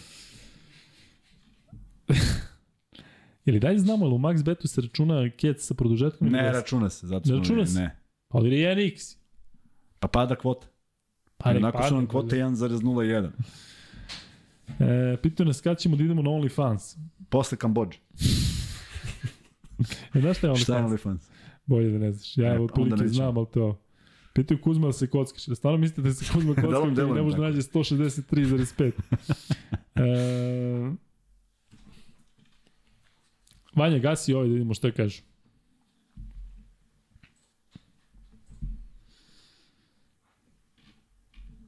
FS Tau prvi. Mon, Monako Barcelona drugi. Imamo sva četiri. Niko neće da se gleda na budućnost. Dobro. Dobro, Vanja stavi prvi pol. Dakle, prvi pol nam je, šta smo rekli? Šta smo rekli? Olimpijakos Fenerbahče. Smo to rekli? Da. Olimpijakos Fenerbahče nam je prvi pol. Olifen. E, 716 lajkova. Smo dobili? Luka danas nije pomenuo rodbinu iz Kumanova, nije čudo što je pao sneg. Pa nema tamo rodbinu, nego od rodbine neki ovo... Olimpijakos Fenerbahče. E, pozdrav iz Fuji, mislim da nas sad zezaju, ne? Sad već, sad već zezanje. Pošto kao. Fuji, Kambođa je u redu. Fuji je onaj aparat, fotoaparat, da, a Fiji, Fuji i Fiji. Da. E, baš je zanimljivo danas. Na pozdrav sa Madagaskara, sad mislim e. da je E. ovo sad već. Evo, tražimo sliku. Marko Milivojević, ako pošlješ sliku, šaljemo ti majicu na Madagaskar, samo prvo da podremo moje majice koje smo običali. Moraš da slikaš i lemura i šta još ide, igra tamo? Šta igra? Pa u crtanom. Koji su sve životinje? Pa ko imaš ih 19. E, pa sve da islika. Hm? Da, pingvini su sa Madagaskara, a to što ti misliš, ja mislim da je neka druga ekipa. Jeste, ja, ti znaš šta ja mislim drugo. Znam, znam, dobro. Hm? To je taj, a? A ono drugo, oni ledeni i sve, to su one ledene životinje, to su one Pa drugi. to je Ice Age. Aj, Oni se. nisu na Madagaskaru. Ne. Oni nisu na Da. Madagaskaru. Pa Gde mi je E. nestao bre sad Luka i Kuzma Fantasy? Ne znam gde su ljudi uopšte nestali. Kuzma sve što stigne Kuzma briše, tako da Ja, ako znate, evo ako da. ne dobijete free bet ili ovi koji ste slali, mu treba dobijete majice, to Kuzma uzme pa misli da vam je posla, u stvari udari delete. Šta je ovo? E, čekamo da bude 200 glasova, evo 200 glasova. Vanja da vidimo Olimpijakos Fenerbahče, šta ljudi kažu, na koga ćemo da igramo. Kuzma, pamti ovo, molim te, ovo je pamtim, pamtim. mora se pamti. E, Olimpijakos 83%, niko ne veruje. E, Lukeze, pozdrav iz Atlante. Lukeze, ti si mi bitan. Verovo ili mi ne. nešto mi doneseš. Ne, ne, nego postoji varijanta za Atlantu 23. i 24. mada više ne postoji. Postala varijanta da se ide u Atlantu na 3 dana, ali dobro. E, pozdrav iz sunčanog Los Angelesa, tebi va- va- ovaj, zavidimo zato što je sunčano. Prvi je Olimpijakos. E, Vanja stavi drugi, drugi je Bayern Real. Kako će tu da pukne dvojka, znači tu igramo svi na dvojku, ja ne znam da li će neko da stavi na Bayern. E, isto ćemo da sačekamo 200, 200 glasova. Vanček, da pričamo malo o NBA ligi dok, dok, dok ljudi glasaju, a? Ima smisla? Pa mislim, šta čekamo ovde sad, sad ljudi glasaju i ovo. Ode, a? Ajde, Vanček, vidimo se. Pozdravi svoje. čovjek. Znači, ostao si sad, Ne, opet, meni nisam znao da ne sam da ga pitam. Ostali da su li- samo ti i ja, jel? A sećaš kad sam u ovom podcastu predložio da idem kao predstavnik Partizana u nesezionu po DJ Coopera, sećaš se toga? E, neko ti je nešto rekao za neke playmaker. Ajde, baš da čujem, baš me zanima, stvarno to me najskrije zanima. Izbrisao si, tako? Ne, samo moram nađem ko je. Jel se javio dizajner? Ni. Dizajner je odslušao 5 5 minuta Ma podcasta nije, kaže, poslao... često gleda i ja tup tup i Ne, ne, kao hoću da kažem da možda nije čuo apel da se ponovo javi. Da, ja, Dejan, Dejan Tiganj kaže da, da šta mislimo, da li bi, da li bi na primjer, Zoran Nikolić bio dobar da, da bude u 10-15 minuta. Sad u ovoj situaciji ja mislim da bi bio odličan. Zoran Nikolić iz uh, budućnosti. Nisam siguran. Sad u ovoj trenutku, bilo Pa, ko da je tu, bilo bi divno. Marko Milivojević kaže pozdrav iz Vukujebine Bugarski. E, pozdrav sa Homiljskih planina. Pozdrav iz Budve. Pozdrav iz laboratorije ETF. Nikola. Slušaj, ovo, pozdrav iz laboratorije ETF. Ovo je ekstra. I onda se zezio i kaže pozdrav sa Jupiterovog satelita. Kaže Nikola da se, ne, da za humani tige kaže, ako uključimo produžetke, to je FTO 1 ili FTO 2. Nešto malo je manja kvota, ali kad dođe X vredi, a sve više i više dolazi pozdrav iz Niša. Da, ja mislim da ću ja sutra taj FTO 1 i Ali 2. Kuzma koji ne može da pronađe plus poena, Treba to potražiti, nađe, tražit ću da. ga ceo dan ako treba. E, Samo setim ko te pitao za neki playmaker, ali pričaj ti. Kuzma je odličan poznavalac crtenih filmova. Sve znam. E, Vanja ugasio i pol. Ip, ip, ip, barba trik. Eto vidite.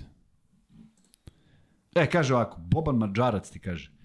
Kuzma, prenesi Luki obavezno, nemoj da te sanjam, kaže. Šalim se, naravno.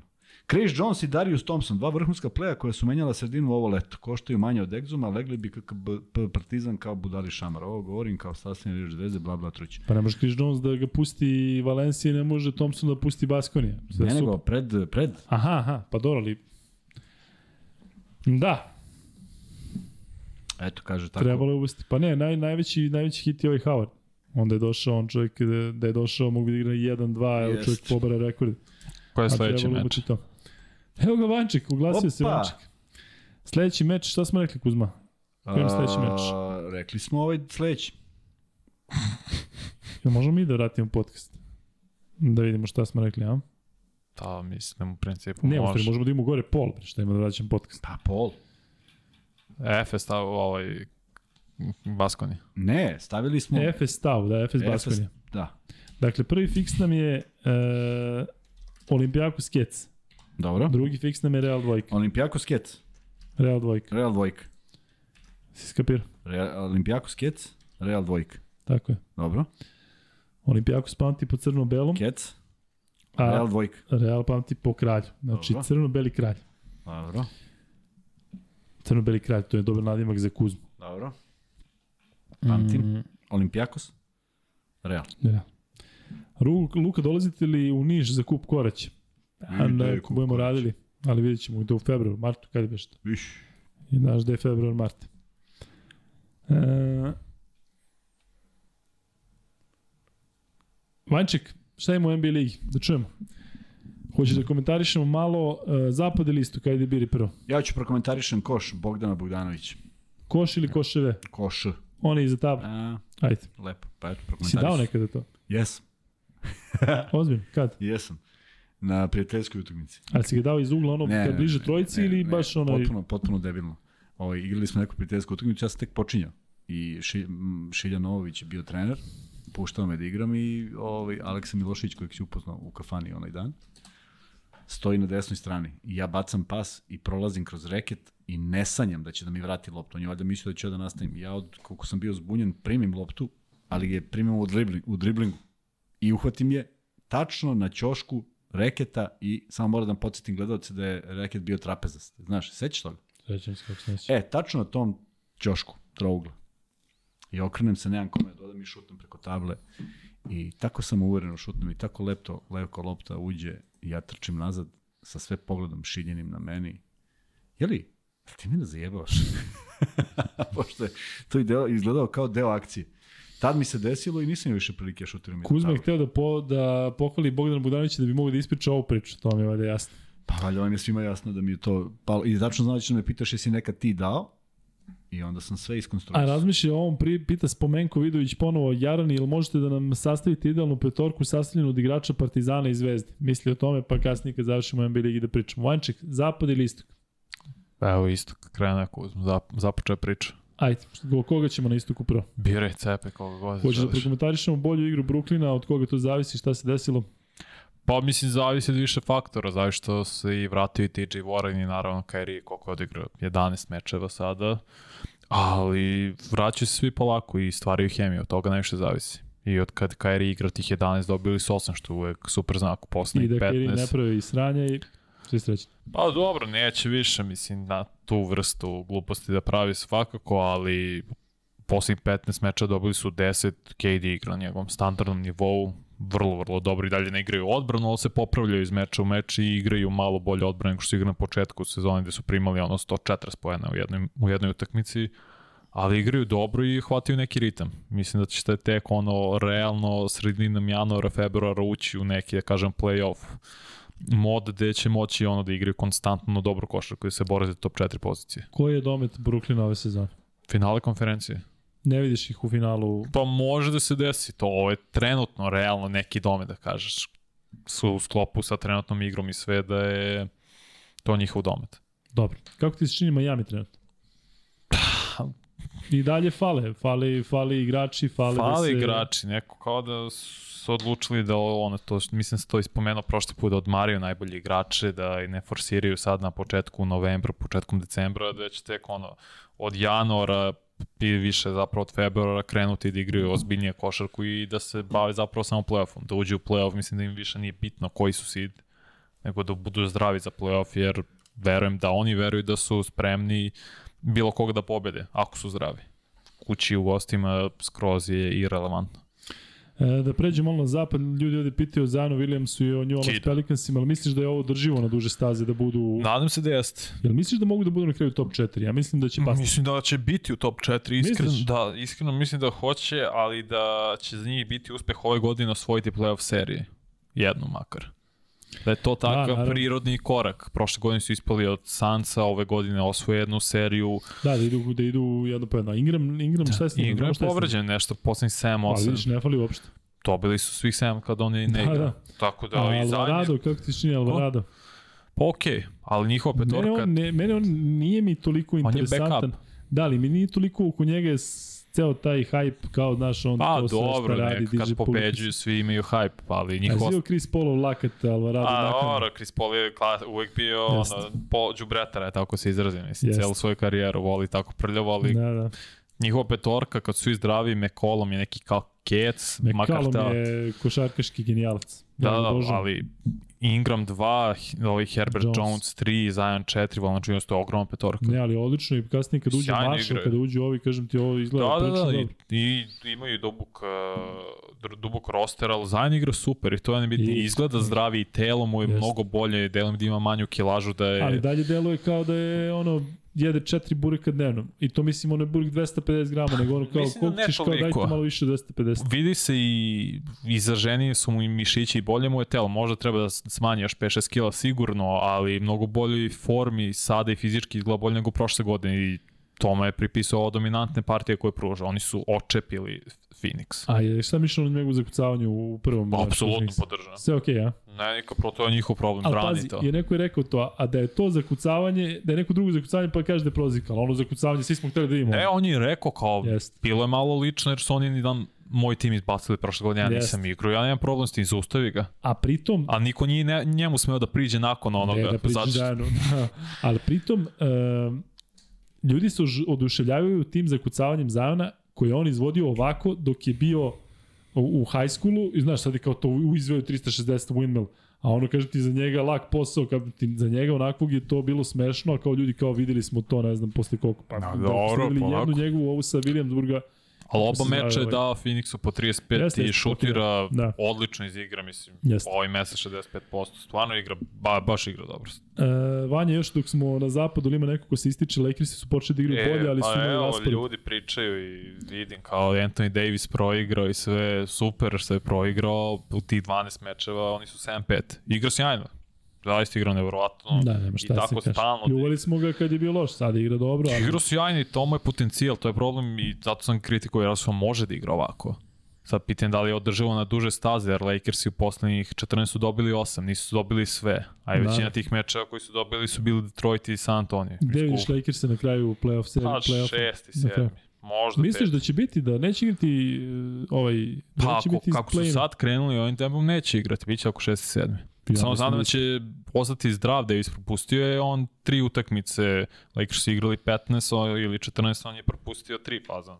Računajući ono protiv Clevelanda što je izašao zbog neke bolesti, nešto bi je prehlađen, nevažno, ali su izgubili od Clevelanda, od Philadelphia od tih boljih timova samo su dobili Milwaukee Da, da. i Portland, a ovo ostalo su dobili smešne timove u principu. E, ko su ti trenutno tri glavna kandidata za MVP-a u ovom trenutku? Na stranu MVP, Leder, Kia, Frki, Mrki, tvoje. Znači, gde ti vidiš tu borbu? Ko je tebi? Pa, moram sa Tatum, jako je bio loš protiv Golden State-a. Dobro. Golden State je baš odigrao baš Jeste. dobro protiv Bostona. Dončića moram da stavim. A to je ono, mač sa dve oštrice. Ne mogu stavim Dončića, evo, zato što su deseti trenutno. Zajona bi morao podignuti, zato što je prvi, New Orleans je prvi na na ovom, kako se zove, na zapadu i Joel Embiid igra brutalno poslednjih Igra, da, ovo 53 je slabije od onog 59, ali kid. Kida igra fenomenalno, njega bi isto podigao, ali vidjet ćemo i ima, sad niko se nije izrazito iskočio zato što ni Jokić je Denver koji četvrti, Morent je igra i dalje dobro, možda malo lošije od prošle godine, možda, mada isto opet statistika je bolja, tu je Memphis, ali Mil- Janis je standardno tu, Milwaukee je drugi. Svi da oni žvaljavi Marej, Žvaljavi. koji je, kad Dao sam ga, kad sam ga, pu, kad sam ga e, e. 15 minuta kasnije dao šut za pobedu, Da. sad će narednih 19 šuteva da uzima on. Pobedu? dao je, dobili su i, i posle ne, te. Ne, molim te u Denveru, ako krenemo u Denveru, ali jednom ću da iznesem svoje mišljenje šta treba u Denveru da se radi. A zašto nisi uradio prošli put? Šta? Zašto nisi uradio prošli Ne, put? prošli put sam samo je paničio i dramio. E, sad imam konkretno, mogu da kažem šta Pa treba Denver.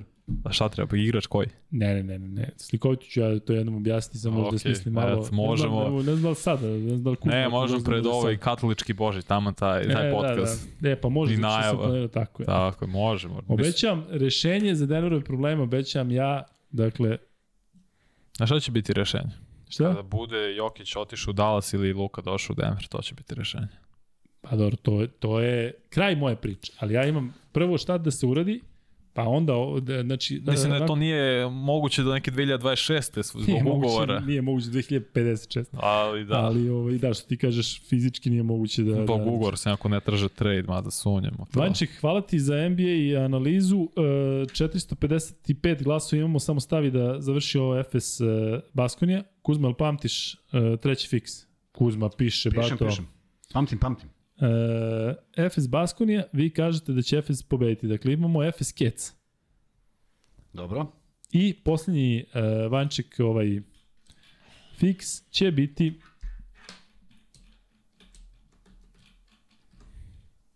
Koji? Monaco Barcelona. Uf, Dobro. to je koska je. To je, ne padnemo na tome. Pa da, pa ja već... Šta već? Možda da sačuvamo ova tri, da uzmemo ta tri pa da, da uplatimo za... za a? Mm, Stavit ćemo to. Nego, šta radim sada? Ovaj, Fantasy League. Da, Pitao je Marko da li da ti pošalje ponovo. Ne, ne, sve sam to regulisao. Nego, da kažem, da se zahvalim, pošto je stizalo dok smo mi pričali, ja nisam video. Stefanu Miloševiću, Milanu Uzelcu, Čedomiru Gaćanoviću, Jugoslavu Zvekiću, Predragu Ćoriću, To su sve Paypalovi za... za Uroš, Odlično. Momci Denisu. Petrovskom i Miloradu Mendebabi. I Kuzme, mi to možemo sutra već da uplatimo u Samo da, završ. samo da ga da, ne možemo da uplatimo, samo da ga moramo ga prebacimo prvo. Ali hoću da kažem da je ukupno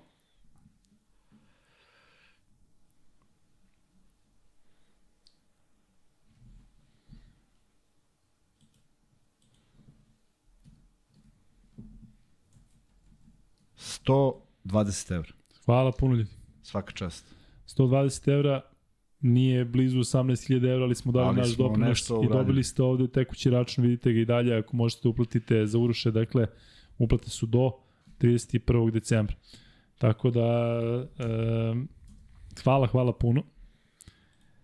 E, Vanja, Da. pošto je ovaj otišao na preko 200 ovih vouca, možeš i da ga ugasiš, da vidimo šta ljudi kažu za Monaco Barcelona i da lagano odjavljamo. I imamo još samo tabele. Moja Jaoj. To je još samo pola sata i to je to. E, Monaco 52%, 46% Barcelona. Ovo će nam bude Koska Kuzma. Stavljamo Monaco Barcelona kao četvrti fiks u na etiketu ili igramo sa ova tri. Sa četiri igram. Dobro, znači Monaco četvrti fiks. Monak, Monako četvrti fiks. Olimpijakos, Real, Real, da. Crveno-beli kralj. koji nam je treći. Efes. Efes. Efes I 1. onda kladimo se na Majka James. Ja, Efes 1. I ko igra Monako i? Barcelona. Pa si hteo četiri, ja ti Pa četiri. teo sam četiri. Pa to su izdostali navijači. Šta ja da radim? Navijači, gledalci. Navijači. Jel Kec? Barcelona, Monako, Barcelona. Barcelona i Keci Monaco 52-46 odnos.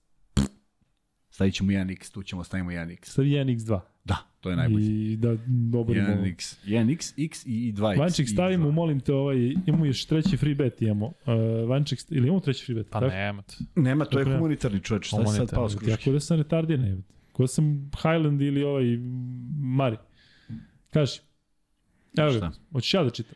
A, ne, to je moj deo. to je tvoj deo. Kuzma dobije dodatni honor, ne znam od koga, ali za ovo. plaćaju me drdlovani. Koliki nosilje te Drdlo, plaćaju? drdlovani, jel piše Da. drdlovani? Šta piše? Da, drdlovani, ja. Drdlovani 1737, ovo je Admi, ABA Admiral, gde se mi jako dobro kotiramo kao 55. A, koke nosilje 1737, vidiš, drdlovani su i drugi na ovo- ovoj nedeljnoj tabeli. Babusaurusi, koji su prvi, ali treći u ukupnom uh, u, u, u, na, u ukupnom rezultatu. Imparmature već dovoljno poznate da su često tu, samo ih nema ove nedelje. Iron Wolf podbacio.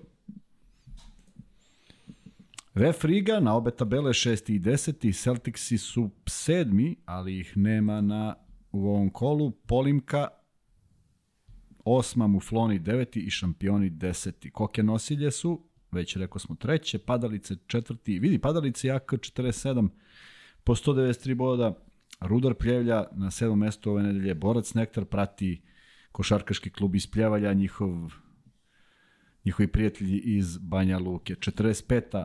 9. i VF Riga, ako ih nisam spomenuo, a jesam, na 10. mestu.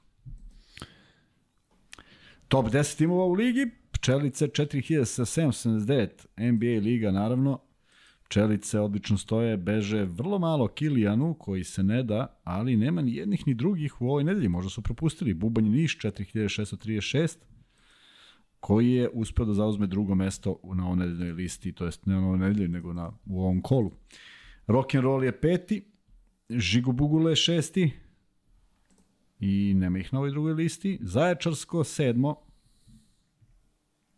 Ražan Warriors osmi, ukupno deveti u, u posljednjem kolu, Playboy, Playboy deveti i KK Podina na desetom mestu. Razlika je, boga mi, 500 bodova, ali deluje da to može brzo da se nadoknadi. U svakom slučaju tu i Zaza Pačulija, čuveni Pačulija, a? a, Stari, dobri Pačulija. i stari gruzijski igrač. Idemo dalje. I evo nas u Euroligi, Alex D, 1962. Nešto ga se ne sjećam, ali možda sam ja propustio. Ryan Key, nešto mi poznatije, 1951. RSB tima se sećam s 1946. Nema ni jednih, ni drugih, ni trećih na ovo nedeljnoj listi. Avijatičari četvrti. Dobrići, peti, Popare šeste, Fragola sedma, Peaky Blinders, oni su bili nekad u vrhu, ne znam Da, šta im se desilo. komentarisali. Jeste, oni su osmi, Kakarot 1313, 1300, šta piše?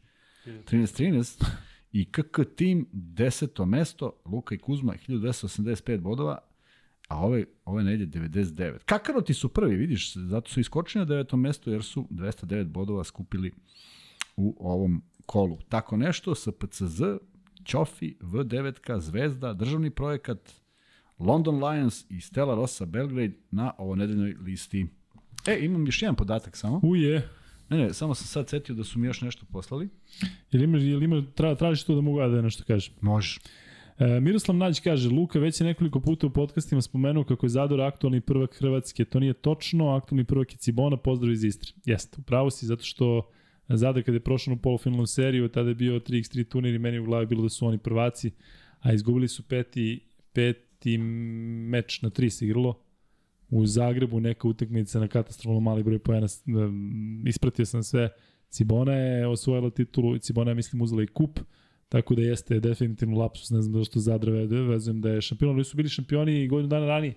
Tako da, ovaj, verovatno sam ostao u toj sezoni 2021. Tako da, izvinjenje svima koji... Ma, sad izvinjenje. Koji navijaju za Cibonu, a ja im rekao da nisu prvaci. A evo samo još mala informacija za fantasy. U ABA ligi 110 ekipa, Euroligi 738, Eurokupu 116 i NBA 58 ekipa. Naravno, lige su i dalje otvorene, kogod želi da se priključi. To kažu momci iz fantazija i dali su nam Dream Team za desetu rundu, pa sad ovo. Trent Frazier, 41 mu je skor. Shannon Shorter, iz Splita 31, Danilo Tasić 30, Benjamin Bentil 30, Dano Russell moj omiljeni igrač iz Mornara 29, Carlos Ganec 29, Le, Luis Sullivan 23 iz Splita, Nikola Tanasković 23, Vojdan Stojanovski 23 i, nevjerovatno, Janis Papapetru 23 je na desetom mestu. E, zaborili ste da iskomentarišete idealna petorka Zvezdi i Partizana spojen. Ajde Kuzma, brzo to i da završamo. sad? Sad. Ne, ne, sad ovi igrači. Da, da, sad ovi, ovi igrači. Vildosa i Nedović. Ne znam Vildosa, koga Vildosa Nedović, Lesor mora da bude na petici. ili Lesori na petici, jeste. Pa pazi, sad u ovim svim četvorkama stavio bi Moraš? Petruševa. Ja bi stavio Petruševa. Ne bi stavio Bentil. Ne, Petruševa bi stavio da malo... Da malo bude A, neko a, naš. a, da, a Exuma bi bacio na tri. I ja bih. Exum koji, koji je u stvari kec. E, ne priznajem da je kec i razmišljam da je dvojka, ali sad ćemo ga staviti na trojku. Ali mora da bude balans, eto, barem dva igrača Partizana. Eto, e, ljudi, to je to za 100 sedmicu. Mi ćemo se vidjeti u četvrtak na onom redovnom podcastu, s tim što još ne znamo vreme, sad ćemo vam ga reći. Kuzma će raditi Zvezdu. Radimo Zvezdu od Protiv Armani šest. Od, od, od šesti, šesti studiju, u da, sedam je meč. Sedam je meč, Ali ja devet. mislim da prenosim u 8. Mislim da prenosim ne, nešto u 8. Tako da, oko 10. 10, pola 11. U stvari samo zavisi od toga, javit ćemo na vreme. Ali, Javit ćemo li ali, pola ali, 11 da, mera? ne, ne bismo trebali da budemo posle pola I onda u 11. petak kada Vanja završi 99 yardi u Onda ćemo da 1 uskočimo. i 45. U svakom E, slučaju mnogo košarke i u ovoj nedelji i bit ćemo tu ovaj, i četvrtak i petak. Tako je, ja ovih dana idem po DJ Coopera u Nezionu, dovodim ga u prvu podcast, pa onda u Partizan i idemo dalje. I, dakle, e, molim vas za, za ovu pomoć je tako, Kuzma još jednom da ovo da Evo, Žarko za Uruša. Vuković, je, Žarko Vuković je uplatio, uplatio i poslao je uplatnicu. Hvala, Fantastično. Draško. Fenomenalno. Šta sam rekao? Žarko. Hvala, Žarko. E, I to je to, dakle, Svaka za ovaj čast. put hoćemo da vam se zahvalimo svima na gledanosti, na svemu. Imali smo danas oko 1700 ljudi u live-u, ostavljamo vas 1500 ovaj, posle ova dva i po sata. Nije bio Gagi, objasnili smo zašto, ali mislim da je bilo zanimljivo i da smo mogli da pričamo još dva i po sata o onome što se dešavalo za vikend i što će se dešavati narednih dana. Vidimo se u četvrtak, Kuzma, ali imaš još nešto? Bolje da nema. Bolje nema vidim. Ne. Aj sad Završio reci. Ne, sad kaži. ne bih rekao. Pa reci nešto, je li bilo neki turnir invalidi u klicima? Nije. Nije, nije bio bić. Javit ću ko će biti. se, naravno. Ali Biće. čekamo dres, nikako da, da se izvini, da, samo da kažemo momcima iz Beočina. Poslali su nam dres na ovu adresu, ali nije stigao, samo da znaju da čim bude da ćemo javiti. Ja i Kuzma smo obećali da ćemo svuda ići, ali mislim da će Beočin biti prvo- naša prva destinacija, dakle krećemo od Beočina. I to je to za ovaj podcast. Hvala nam što ste bili. Hvala nam što ste bili uz nama. Hvala vam nam što ste bili uz nama. Doviđenja.